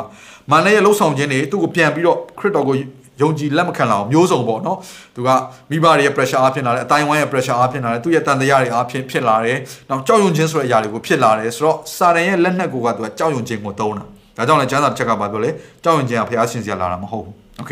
ဘုရားရှင်ဘုရားရှင်ပေးတဲ့ຢာကြောက်ရွံ့ခြင်းမဟုတ်ဘူးဆိုတော့မနက်ကကြောက်ရွံ့ခြင်းနဲ့သူကလှုပ်ဆောင်တဲ့ခါမှာပုံမှန်အားဖြင့်လူတွေဟာဘုရားခရစ်တော်ဟာအသက်ရှင်သောဘုရားဖြစ်တယ်ဆိုတာလူတော်တော်များများကသိကြပေမဲ့ယုံကြည်လက်ခံခြင်းပေမဲ့ကြောက်လို့မယုံကြည်တဲ့လူတွေတပုံကြီးပဲ အသက်တွေဆုံးမှဆိုလို့အမွေပြတ်ဆွန့်လွတ်ခံရမှဆိုလို့အတိုင်းဝိုင်းကမကြိုက်မှဆိုလို့ကိုယောက်ျားမိန်းမကိုမကြိုက်မှကိုမိဘတွေကိုကိုတနာလို့စသဖြင့်မျိုးစုံပဲတနာတာတွေကြောက်ဘလို့ဖြစ်ဒီစိတ်ခံစားချက်တွေမှာဒီအတွေးခေါ်တွေမှာမာနကလာပြီးတော့စိန်ခေါ်တာဖြစ်တယ်အခုလဲအခုဣသရေလလူမျိုးကြောက်ပြီဒီချိန်မှာသာဖျားဆရာမယွင်းတော့ဘူးဆိုတို့အားလုံးကြုံခံပြီးတို့ကြုံခံဖို့တော့ပျော်ပျော်ကြီးနဲ့ပြန်လိုက်သွားကြမှာကျွန်တော်တို့ကမတက်ပါနဲ့ကြုံပြန်ခံပါမယ်ဆိုတဲ့နှလုံးသားမျိုးတို့ကပြန်သွားမှာဆိုတော့ကျမ်းစာဘလို့ကြီးအဲကုတုလူတို့ဌာနအစေကြုံခံလင်တာ၍ကောင်းသည်ဟုဆိုကြ၏ဆို ငါတို့ဒီခန္ဓာရာထဲမှာတေတာထဲတဲ့ငါတို့ကြုံခံနေရတာပိုကောင်းတယ်ဆိုအဲ့ကြုံဘဝကိုပြန်ပြီးတော့လွမ်းဆွတ်တာဘယ်အချိန်မှလဲဆိုတော့ထွက်မြောက်တော့ထွက်မြောက်ပြီးသို့တော်လည်းပဲသူတို့ပင်လယ်ကိုသူမကူရသေးဘူးဒါကြောင့်ခရိယအသက်တာမှာအဲ့ဒီပင်လယ်နီကိုကူးခြင်းအသက်အရေးကြီးတဲ့ကိစ္စတစ်ခုဖြစ်တယ်โอเคပင်လယ်နီကိုကြော်ဖြတ်ပြီးနောက်ပိုင်းကျတော့မှဒီမာနက်ကိုကိုစားပြုတဲ့ဖာရောမင်းစစ်တပ်ကလိုက်လာလို့မရဘူးသူတို့ဗမာသေးသွားတယ်အဲ့ဒီပင်လယ်ထဲမှာဘုရားသခင်ကတရားစီရင်တာဖြစ်တယ်ဆိုတော့ဒီအချိန်မှာ လူတွေကဘလောက်ကြောက်ကြောက်ခေါင်းဆောင်ကအရန်ရေးကြီးသွားပြီဒါကြောင့်ခေါင်းဆောင်ဆိုတာကသူကစစ်မှန်တဲ့ခေါင်းဆောင်တယောက်ရဲ့သူ့ရဲ့တတ္တိသူ့ရဲ့အည်ချင်းသူ့ရဲ့ဘိတ်သိမ့်နဲ့ဘုရားသခင်ရဲ့လမ်းပြမှုကဘယ်အချိန်မှာပေါ်ထွက်လာလဲဆိုအချင်းချက်ထဲမှာပေါ်ထွက်လာ အသင်းတော်တွေကအချင်းချက်ကိုကြော်ဖြတ်နေရတဲ့အချိန်မှာခေါင်းဆောင်တွေပေါ်ထွက်လာလိမ့်မယ်မိသားစုကအချင်းချက်ကိုကြော်ဖြတ်နေရနေရတဲ့အခါမှာအဲ့မိသားစုတွေကနေပြီးတော့ဒီနေ့နော်အာဥဆောင်မဲ့လူပေါ်ထွက်လာလိမ့်မယ်တိုင်းပြည်တစ်ပြည်ဟာအချင်းချက်ကိုကြော်ဖြတ်နေရတဲ့အချိန်မှာစစ်မှန်တဲ့ခေါင်းဆောင်တွေကပေါ်လာတတ်တာပဲโอเคဆိုတော့အခုမောရှေက သူကကြောက်ရွံ့ခြင်းနဲ့မကြောက်နဲ့နော်ဘုရားသခင်မောရှေဘာပြောလို့ဆိုတော့နော်ဆက်ပြီးတော့သွားပါကဲဒါဆိုရင်အကျဉ်းချက်ကိုရောက်နေတဲ့အချိန်မှာကျွန်တော်တို့ယုံကြည်သူတွေအသက်တာမှာရှောက်လန်းရမယ်နှလုံးသားနော်တုံ့ပြန်မှုတစ်ခုကဘာဖြစ်ရမလဲဆိုရင်ငါအရှိကိုဆက်ရှောင်မယ်ထိုဘုရားသခင်စီကိုငါဆက်တိုးဝင်မယ်ဒါမှောင်မိုက်တဲ့ကာလကျဉ်းချက်တဲ့ကာလထွက်ပေါက်မရှိတဲ့ကာလဘယ်ကိုသွားမှမသိတဲ့ကာလဒါပေမဲ့တခုတော့လုပ်လို့ရတယ်ငါဘုရားသခင်ကိုဘယ်တော့မှလက်မလွတ်ဘူးဆိုတော့ပုံမှန်အဖြစ်ကျွန်တော်တို့လူတွေကကြောက်လာတဲ့အချိန် ဒေါသထွက်တဲ့အချိန်စိတ်ရှုပ်တဲ့အချိန်မှာပါဇက်ကအခုဣသရေလလူတွေလိုပောက်ကြရတယ်ကုန်ပြောကြတယ်အဲ့တော့သင်ခန်းစာတစ်ခုကပါလဲဆိုတော့ကျွန်တော်တို့မှောင်မိုက်ကာလဘာမှရှင်းရှင်းလင်းလင်းမမြင်ရဘဲနဲ့အကျဉ်းချက်ကာလကိုကြောင်းဘာမှမပြောနဲ့ဘာပဲဆက်လို့အောင်အရှိဝဲခီးဆက်ဘယ်သူနဲ့ခီးဆက်မလဲဘုရားသခင်နဲ့ခီးဆက်မယ်ဟာလေလုယာအဲ့တော့ဘုရားသခင်ကကျမ်းစာထဲမှာဘာပြောလဲဆိုတော့သာဝရဘုရားကလည်းအဘဲကြောင့်ငါ့ကိုအော်ဟစ်သည်နီဣသေလအမျိုးသားတို့သည်တက်သွားစေခြင်းကမှားလိုက်လောဆက်သွားပါ အဲ့တော့နော်ကိုယ့်ကိုအားပေးတတ်ဖို့လိုတယ်ငါရှေ့ဆက်သွားမယ်ရှေ့ဆက်သွားမယ်ကြာနော်အားနည်းလူတွေရှိတယ်ဆိုရင်လည်းရှေ့ဆက်သွားပါဒီလိုခွန်အားပေးတတ်ဖို့အရင်ရေးကြည့်တယ်ဆိုတော့အဲ့တော့မောရှေကလှုပ်ဆောင်လိုက်တဲ့ခါမှာနော်ဘုရားခင်ပြောတဲ့အတိုင်းလှုပ်ဆောင်လိုက်တဲ့ခါမှာဘာဖြစ်လဲဆိုရင်အာကြီးသောအရှိလေကတခါတည်းဒီပင်လယ်ရေကိုနော်အာကြီးသောအရှိလေကိုဘုရားရှင်ဆိတ်လွတ်ပြီးတော့ဒီပင်လယ်ကိုနှချမ်းကွဲစေတယ်ဘုရားသခင်ကအဲ့နော်တကယ်ကိုတကိုးနဲ့သက်ဆိုင်တဲ့အရာနောက်တစ်ခုကနော်တမိုင်းမှာတကယ်ကိုကျွန်တော်ရဲ့ယုံကြည်သူရဲ့အသက်တာထဲမှာထူးခြားတဲ့အပြောင်းလဲကိုလှုပ်ဆောင်တဲ့အခါတိုင်းမှာ ဘုရားသခင်လှုပ်လို့ရှိတဲ့အရာတွေကပါဆိုတော့လေအားဖြင့်လှုပ်လို့ရှိတဲ့အရာရေစကြည်လာထဲမှာဆိုရင်လည်းဒါရေစကြည်လာမြင်ရတဲ့ယူပါယုံဆိုရင်လည်း၆သူရဲ့အယိုးတွေပြန်ပြီးတော့အသက်ရှင်ဖို့နော်ရေစကြည်လာကိုဘုရားသခင်လေကိုအမိတ်ပေးပါတဲ့အဲ့မှာလေကအရက်လေးမျက်နှာကနေလာပြီးတော့အယိုးတွေကအသားတွေတက်လာတဲ့အဲ့ကိုခန္ဓာကြီးကအသက်မရှိပေမဲ့အဲ့လေတွေကလာတဲ့အခါမှာအသက်ရှင်နေလာဖြစ်လာတယ်ဆိုတော့နောက်တစ်ခုက ကျွန်တော်တို့ဖန်ဆင်းခြင်းမှာလည်း RNA အေဝါကိုဖျားရှင်ကဖန်ဆင်းတဲ့အခါမှာသူကနော်အသက်ကိုမှုတ်သွင်းတယ်ဆိုတဲ့အရာပါတယ်ဆိုတော့လေမှုတ်သွင်းတယ်ဆိုတဲ့သဘောကပါလေကိုပြောနေတာဖြစ်တယ် right ဒါကတော့တမန်တော်ဝတ္ထုထဲမှာဆိုရင်လည်းနော်ကျွန်တော်တို့တန်ရှင်သောဝိညာဉ်တော်ရဲ့တက်ရောက်ခြင်းပေတကုတ်တွေပွဲတွေကိုရောက်လာတဲ့အခါမှာတခါလေပြင်းမုန်တိုင်းကဲ့သို့သောအသက်ဆိုတော့ကျွန်တော်တို့အသက်တာမှာလည်းအဲ့ဒီဖျားသခင်ရဲ့မှုတ်သွင်းခြင်းဖျားသခင်ရဲ့လေဆိုတော့ဘုရားသခင်ရဲ့ lace เนาะစေလွတ်တဲ့အတွေ့အကြုံကိုကျွန်တော်တို့ခံစားတတ်ဖို့လိုပါတယ်เนาะအဲ့ဒီအတွေ့အကြုံရှိဖို့အရန်ရေးကြီးတယ် အခုအဲ့ဒီပင်လယ်ရေကြီးကနှစ်ချမ်းခွဲတဲ့ခါကျတော့ဣသရေလလူမျိုးတွေအားလုံးကသူတို့ကဒီအဲ့ပင်လယ်ကျမ်းပြင်မှာတခါလေသူတို့လမ်းလျှောက်ပြီးသွားကြတယ်အဲ့တော့သူတို့တွေလည်းလှဲတွေပါမှာပဲပစ္စည်းတွေတဲ့ခါကျတော့လေရိတ်ဆက်နေလည်းပါတယ်သူတို့ကြဘာမှမဖြစ်ဘူးเนาะအဲ့ဒီပင်လယ်ကျမ်းပြင်ကသို့တော်လည်းပဲတဲ့အနောက်ကနေလိုက်လာတဲ့เนาะဖာရောစစ်တပ်နဲ့ ဖာရစစ်တက်ကနဲ့သူတို့ဒီဒီမြင်းရထားတွေလိုက်လာတဲ့ခါမှာအဲ့ဒီမြင်းရထားတွေရဲ့မြင်းရထားတွေကိုဘုရားသခင်ချို့တက်စေတယ်တဲ့ပြောဆိုဘိန်းတွေကျုံကုန်တာတွေနော်သူတို့ဝင်ရိုးတွေကျိုးတဲ့အရာတွေဘာလို့ဆိုအဲ့ကျမ်းပြင်မှာသူကြောက်တွေလည်းရှိမှာပေါ့နော်ဘယ်လိုလဲပင်လယ်ကျမ်းပြင်ဖြစ်တော့ကြောင်းမလို့နော်၆သွင်းနေမဲ့ပုံတော့မပေါ်ဘူးသို့တော်လည်းပဲဣသရေလလူမျိုးတွေဖြတ်သွားတဲ့အချိန်မှာကျတော့ဘာပြဿနာမှမရှိဘူးဘုရားသခင်က ချောချောမွတ်မွတ်နဲ့6တွေ့ဆောင်ရင်ဖြတ်သွားစေတယ်ဒါပေမဲ့အနောက်ကလိုက်လာတဲ့စစ်တပ်ကကြတော့ချို့ယွင်းပြီးတော့တခါနစ်မြုပ်တဲ့ຢာတွေဖြစ်တယ်ဆိုတော့သူတို့အားလုံးအဲ့မှာအကုန်လုံး stack ဖြစ်ကုန်ပြီနော်အချင်းချက်တဲ့ကိုရောက်သွားပြီအဲ့ထင်မှာဘာဖြစ်လဲဆိုရင်ရေကတခါနဲ့ပြန်ပြီးတော့လွှမ်းမိုးပြီးတော့သူတို့အားလုံးအဲ့မှာတေးချပြစီခြင်းကိုရောက်တယ်ဆိုတော့အဲ့တော့ပထမစစ်တပ်ကလိုက်လာတဲ့ချိန်မှာအရှိမဥဆောင်နေတဲ့နော်ဘုရားသခင်မိတိုင်ကနော်အနောက်ဘက်မှာထားပြီးတော့စစ်တပ်ကိုကွဲကားသလိုပဲတညလုံးကွဲကားသလိုပဲအခုအနောက်ကလိုက်လာတဲ့အချိန်မှာလေ ရေအားဖြင့်တခါလေပျက်စီးခြင်းကိုရောက်တယ်ဆိုတော့ဘုရားသခင်ပြောတဲ့စကားလေးကရန်ကောင်းတယ်သူတို့အားဖြင့်နဲ့ငါရဲ့ဘုံကိုထင်ရှားစေမယ်နော်အဲ့ဒါလေးအဲ့တော့ဒီခါဒီမှာကျွန်တော်တို့အနောက်ကလိုက်လာတဲ့ရန်သူတွေကျွန်တော်တို့ကိုအချင်းချက်တဲ့ကိုရောက်စီတဲ့အရာတွေကဘုရားဘုံထင်ရှားစေမယ့်အရာဖြစ်တယ်ကဲကျွန်တော်အခုဗတ္တိဆန်အကြောင်းလေးကိုပြောပြီးတော့ဒီကျွန်တော်တို့နှုတ်ကပတ်တော်အဆုံးသတ်ခြင်းဟုတ်ပြီနော်လိုပဲနော်ဆုံးသက်မှဆုံးသက်မှနဲ့နည်းနည်းစီဆွဲခေါ်ရတာပေါ့ကဲဒါတော့တကယ်ဆုံးသက်ပါပြီကဲဗတ္တိဆန်ဆိုတော့ဗတ္တိဆန်လို့ဘာကြောင့်ပြောလဲဒီပင်လယ်ရေထဲမှာရှောက်သွားတဲ့အရာနော်ဒါခရိယန်တက်တာဆိုတာက ယုံကြည်လက်ခံပြီးသွားပြီးရင်စအဲ့အစကလေးကစောစောကစေးမဲ့မဟုတ်ဆိုတဲ့နှုတ်ကပတ်တော်စင်ကြဲတဲ့ဩဝါဒကိုစားသုံးဖို့လိုတယ်သူတက်တာမှာပြုစုမဲ့လူတွေရှိဖို့လိုတယ်ကျမ်းစာသင်ပေးမဲ့လူတွေရှိဖို့လိုတယ်ဆွဲခေါ်မဲ့လူတွေရှိဖို့လိုတယ်သူကလေးလေးမွေးလာတဲ့တူတယ်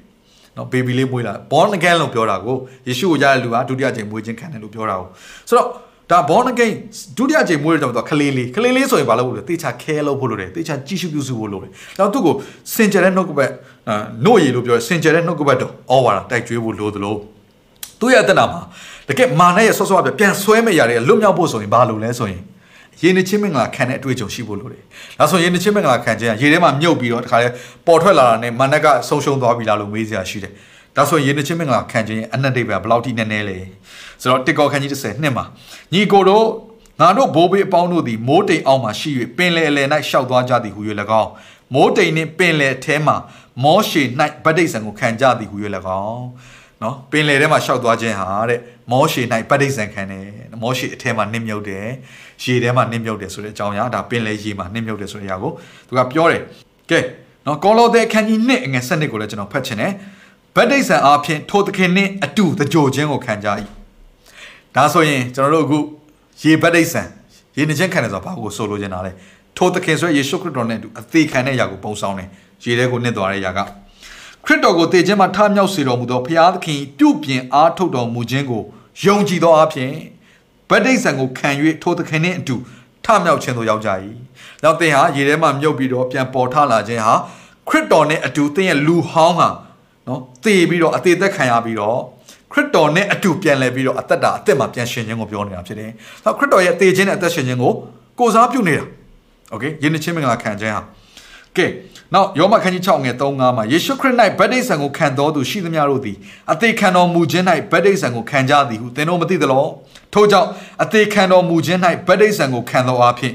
ထိုသခင်နှင့်အတူတကြိုခြင်းကိုခံကြ၏အကြောင်းမူကားခရစ်တော်သည်ခမည်းတော်၏ဘုန်းတကိုးတော်အားဖြင့် တေခြင်းမှထမြောက်တော်မူသည့်ဤသူငါတို့သည်လည်းအသက်သောအသက်တာ၌ကျင်လည်ရကြသည်ကြောင့်အသက်သောအသက်တာ၌ကျင်လည်ခြင်းဆိုတဲ့အရာခီးတစ်ခုကိုလုံးဝရှင်းရှင်းလင်းလင်းအစာပြုတဲ့အရာမာနနဲ့သူ့ရဲ့တကိုးလက်နဲ့အားလုံးကိုချိုးဖျက်တဲ့အရာတမလဲ လဝါကားလိုက်မှာဖြစ်တယ်ပြီးတော့တေခြင်းထဲမှာဖြစ်တယ်ပြီးတော့ခရစ်တော်ရဲ့အသက်ရှင်ခြင်းထဲမှာအကုန်အရာခတ်သိမ်းကိုလှုပ်ဆောင်ခဲ့တာဖြစ်တယ်ဒါဆိုရင်အဲ့ဒီယေရှုခရစ်တော်ရဲ့တင့်အတွက်လဝါကားတဲ့ပုံမှာချိန်ချင်းခံခြင်းအသေးခံခြင်းနော်တင်ကြိုင်တွေတိုင်းမြုပ်နှံခြင်းခံခြင်းသုံးရက်မြောက်သုံးနေ့နဲ့ပြန်ရှင်ခြင်းဆိုတဲ့အဲ့ဒီ process ကြီးတစ်ခုလုံးကဘာကိုဖော်ပြနေလဲဆိုရင်အရင်ချင်းမင်္ဂလာခံခြင်းဒီနေ့အဖြစ်ပြောမှာဆိုဒီပင်လယ်ကြီးနှစ်ချမ်းကွဲပြီးတော့အဲ့ဒီထဲမှာဖာရောမင်းနဲ့သူ့ရဲ့စစ်တပ်ကိုတရားစီရင်ခြင်းဆိုတဲ့အရာခတ်သိမ်းကိုဖော်ပြနေတာဖြစ်တယ်အဲ့ဒီအေဒုံပင်လယ်နောက်တစ်ဖက်ချမ်းကိုတော့ဖာရောစစ်တပ်ကလိုက်မလာနိုင်တော့ဘူး ကျွန်တော်ပြောပြမယ်အကယ်၍သာအဲ့ဒီရေထဲမှာမနှင်းပြုတ်ဘူးဆိုရင်ကျွန်တော်ပြောပြမယ်အဲ့ဒီချိန်တုန်းကအခုဣသရေလလူမျိုးတွေတွားရောက်ဝင်စားမဲ့ခါနန်ပြည်ဆိုတာဘယ်သူအောက်မှာရှိလဲဆို Egudu Empire အောက်မှာရှိနေတယ်အခုအခုသုံးတဲ့အခုကျွန်တော်မြေပုံထဲမှာပြထားတဲ့လမ်းကြောင်းကိုတော့ Egudu လူမျိုးတွေကမသုံးဘူး။ဘာကြောင့်လဲဆိုတော့ပင်လယ်ကဖြတ်လို့မှမရ။အဲ့တော့သူတို့ဘယ်ဟာသုံးလဲ။နော်ဒီမြေထဲပင်လယ်ဘက်ကနော်ကမ်းရိုးတဲ့လမ်းကြောင်းကိုသုံးပြီးတော့ကုံသွယ်တဲ့လမ်းကြောင်းကိုသုံးပြီးတော့သူတို့က အဲ့ဒီပါလက်စတိုင်းနယ်တွေနောက်ယေရုရှလင်မြို့နဲ့ဆိုင်နေအဲ့ဒီခါနန်ပြည်တစ်ခုလုံးကိုသူတို့ကအုပ်ချုပ်ထားတာဖြစ်တယ်။အဲဂုဒုအပိုင်ဖြစ်တယ်။အဲဂုဒုအပိုင်ဒါကြောင့်မလို့နော်အဲဂုဒုစစ်တပ်သားအဲ့ဒီပင်လယ်ရေထဲမှာမဆုံးရှုံးဘူးဆိုရင်တရက်မဟုတ်တရက်နော်တရက်မဟုတ်တရက်ဣသရေလလူမျိုးတွေဝင်စားတဲ့ခါနန်ပြည်ထိအဲဂုဒုစစ်တပ်ကလိုက်လာပြီးတော့နော်စစ်တိုက်အောင်မှဖြစ်တယ်။အဲတော့ဘုရားသခင်တခါတည်းရှင်းပေးလိုက်တယ်။ဆိုတော့သူတို့ကအရှိမပဲရန်သူရှိတော့လေအနောက်မှာရန်သူမရှိတော့ဘူး။ ဒါကြောင့်ယင်းချင်းမင်္ဂလာခံခြင်းရဲ့သဘောတရားသည်သူကအနောက်မှာရှိတဲ့ရန်သူအားလုံးဖျက်တောက်ပလိုက်တာဖြစ်တယ်။အရှိမတော့စိန်ခေါ်မှုတွေရှိမယ်။ရင့်ချက်ဖွင့်ရတော့တိုက်ပွဲတွေရှိမယ်။ဒါပေမဲ့အနောက်ကနေဆွဲချမဲ့နတ်ဆိုးရဲ့မှောင်မိုက်တကူအားလုံးကိုခြေဖြတ်လိုက်တာဖြစ်တယ်။ယင်းချင်းမင်္ဂလာခံတဲ့အခါမှာထိုယေရှုခရစ်တော်သည်ကျွန်တော်ဘွားရဲ့ကယ်တင်ပိုင်ရှင်နဲ့အရှင်သခင်ဖြစ်လူရှိမာနရဲ့ရှိဘုရားသခင်ရှိကောင်းကင်တမန်ကြီးရှိအားလုံးရှိမှာပွင့်ပွင့်လင်းလင်းဝန်ခံကြေညာလိုက်တာဖြစ်ပါတယ်။နောက်ကျမ်းစာတစ်ချက်ကပါပြောလဲဆိုရင် နော်စိတ်နှလုံးနဲ့ယုံကြည်တယ်ဒါပေမဲ့နှုတ်နဲ့ဝန်ခံတဲ့အခါမှာကယ်တင်ခြင်းကိုရတယ်။စိတ်နှလုံးနဲ့ယုံကြည်ခြင်းဖြောင့်မတ်ခြင်းနှုတ်နဲ့ဝန်ခံတဲ့အခါမှာကယ်တင်ခြင်းကိုရောက်မယ်။ဒါကြောင့်ကျွန်တော်တို့ယဉ်ချင်းမင်္ဂလာခံခြင်းอ่ะအဲ့ဒီနှုတ်နဲ့ဝန်ခံခြင်းကိုတတ်တည်ထူတဲ့တသက်တစ်ခုဖြစ်ပါတယ်เนาะဒါအရင်အင်မတန်မှနည်းနည်းတဲ့အရာတစ်ခုဖြစ်နေဆိုကျွန်တော်သိဖို့ဖြစ်တယ်အဲ့တော့ဒီနှုတ်ကပတ်တော်အဖြစ်ဒီနေ့မှာเนาะကျွန်တော်ဒီအဲဂရုပြည်ကနေထွက်ပြီးတော့တစ်ဖက်เนาะဒီအေဒုံပင်နဲ့နောက်တစ်ဖက်ခြံကိုရောက်သွားတဲ့အထိနှုတ်ကပတ်တော်လေ့လာခဲ့တာဖြစ်ပါတယ်ဆိုတော့เนาะနောက်တရက်ချာကျွန်တော်ပြီးသွားတဲ့အခါမှာတော့เนาะဆိုတော့ဦးသီး နော်ဦးဒီပွဲနဲ့တောက်လျှောက်ဒီသူတို့ကန်နာရခီးစင်တော့တိနာတောင်ကိုရောက်တဲ့ခါမှာသူတို့ဒီပင်တကုတ်တွေပွဲကိုလှုပ်ဆောင်တဲ့အရာပေါ့နော်ဆိုတော့အဲ့ပင်တကုတ်တွေပွဲနော်အဲ့ဒီအရာကိုကျွန်တော်တို့ဆက်လက်ပြီးတော့လေ့လာသွားမှာဖြစ်တော့ဆိုတော့အခုပွဲတော်လာပြီပြီးရင်တိနာတောင်နောက်ပိုင်းမှာသူကတဲတော်လာပြီနော်ပို့ပြီးတော့စိတ်လှုပ်ရှားစရာကောင်းပါတယ်အဲ့တော့ဒီနေ့နှုတ်ဘတော်အဖြစ်ရောက်တိုင်းရဲ့တက်တာတွေမှာတိဆောက်ခြင်းပို့ပြီးတော့နှုတ်ဘတော်နားလေခြင်းနဲ့မိမိရဲ့တက်တာကိုလည်းဆင်ခြင်နိုင်စရာအကြောင်းဖြစ်မယ်လို့ယုံကြည်တယ်တင့်ကိုဘုရားရှင်ထူကောင်းကြီးပေးပါစေ ဒီအစီအစဉ်လေးအပြင်သင်ရဲ့အသက်တာမှာကောင်းကြီးဖြစ်မယ်ဆိုတာကိုကျွန်တော်ယုံကြည်ပါတယ်ဗီဒီယိုကြည့်ပြီးခံယူလို့သူများအတွက်အပတ်စဉ်တရားဟောခြင်းများ Bible Study ကြီးမွန်ကိုးကွယ်ခြင်းနဲ့အခြားသောအကြောင်းအရာတွေဟာသင်တို့အဆင်သင့်ရှိနေပါတယ် YouTube မှာ The City Space TV လို့ရိုက်ထည့်လိုက်တဲ့အခါ ကျွန်တော်တို့ကိုတွေ့ရှိမှာဖြစ်ပါတယ် Subscribe လုပ်ခြင်းအပြင်သင်နဲ့ထက်ချက်မကွာအမြင်ရှိနေပါပါဒါအပြင် Facebook မှာလည်း The City ရန်ကုန်လို့ရိုက်ထည့်လိုက်တဲ့အခါတည်အချက်အလက်နဲ့ poster တွေကိုအချိန်နဲ့တပြေးညီတွေ့ရှိအောင်မှာဖြစ်ပါတယ်ခင်ဗျာ The City Podcast ကိုနားထောင်သူတိုင်းဖျားသခင်ရဲ့ထူကြသောဖွင့်ပြချက်နဲ့ကောင်းကြီးမင်္ဂလာများခံစားမိကြောင်းကျွန်တော်ဆုတောင်းရင်ဒီ season လေးကိုဒီမှာပဲရပ်နာပါရစေခင်ဗျာ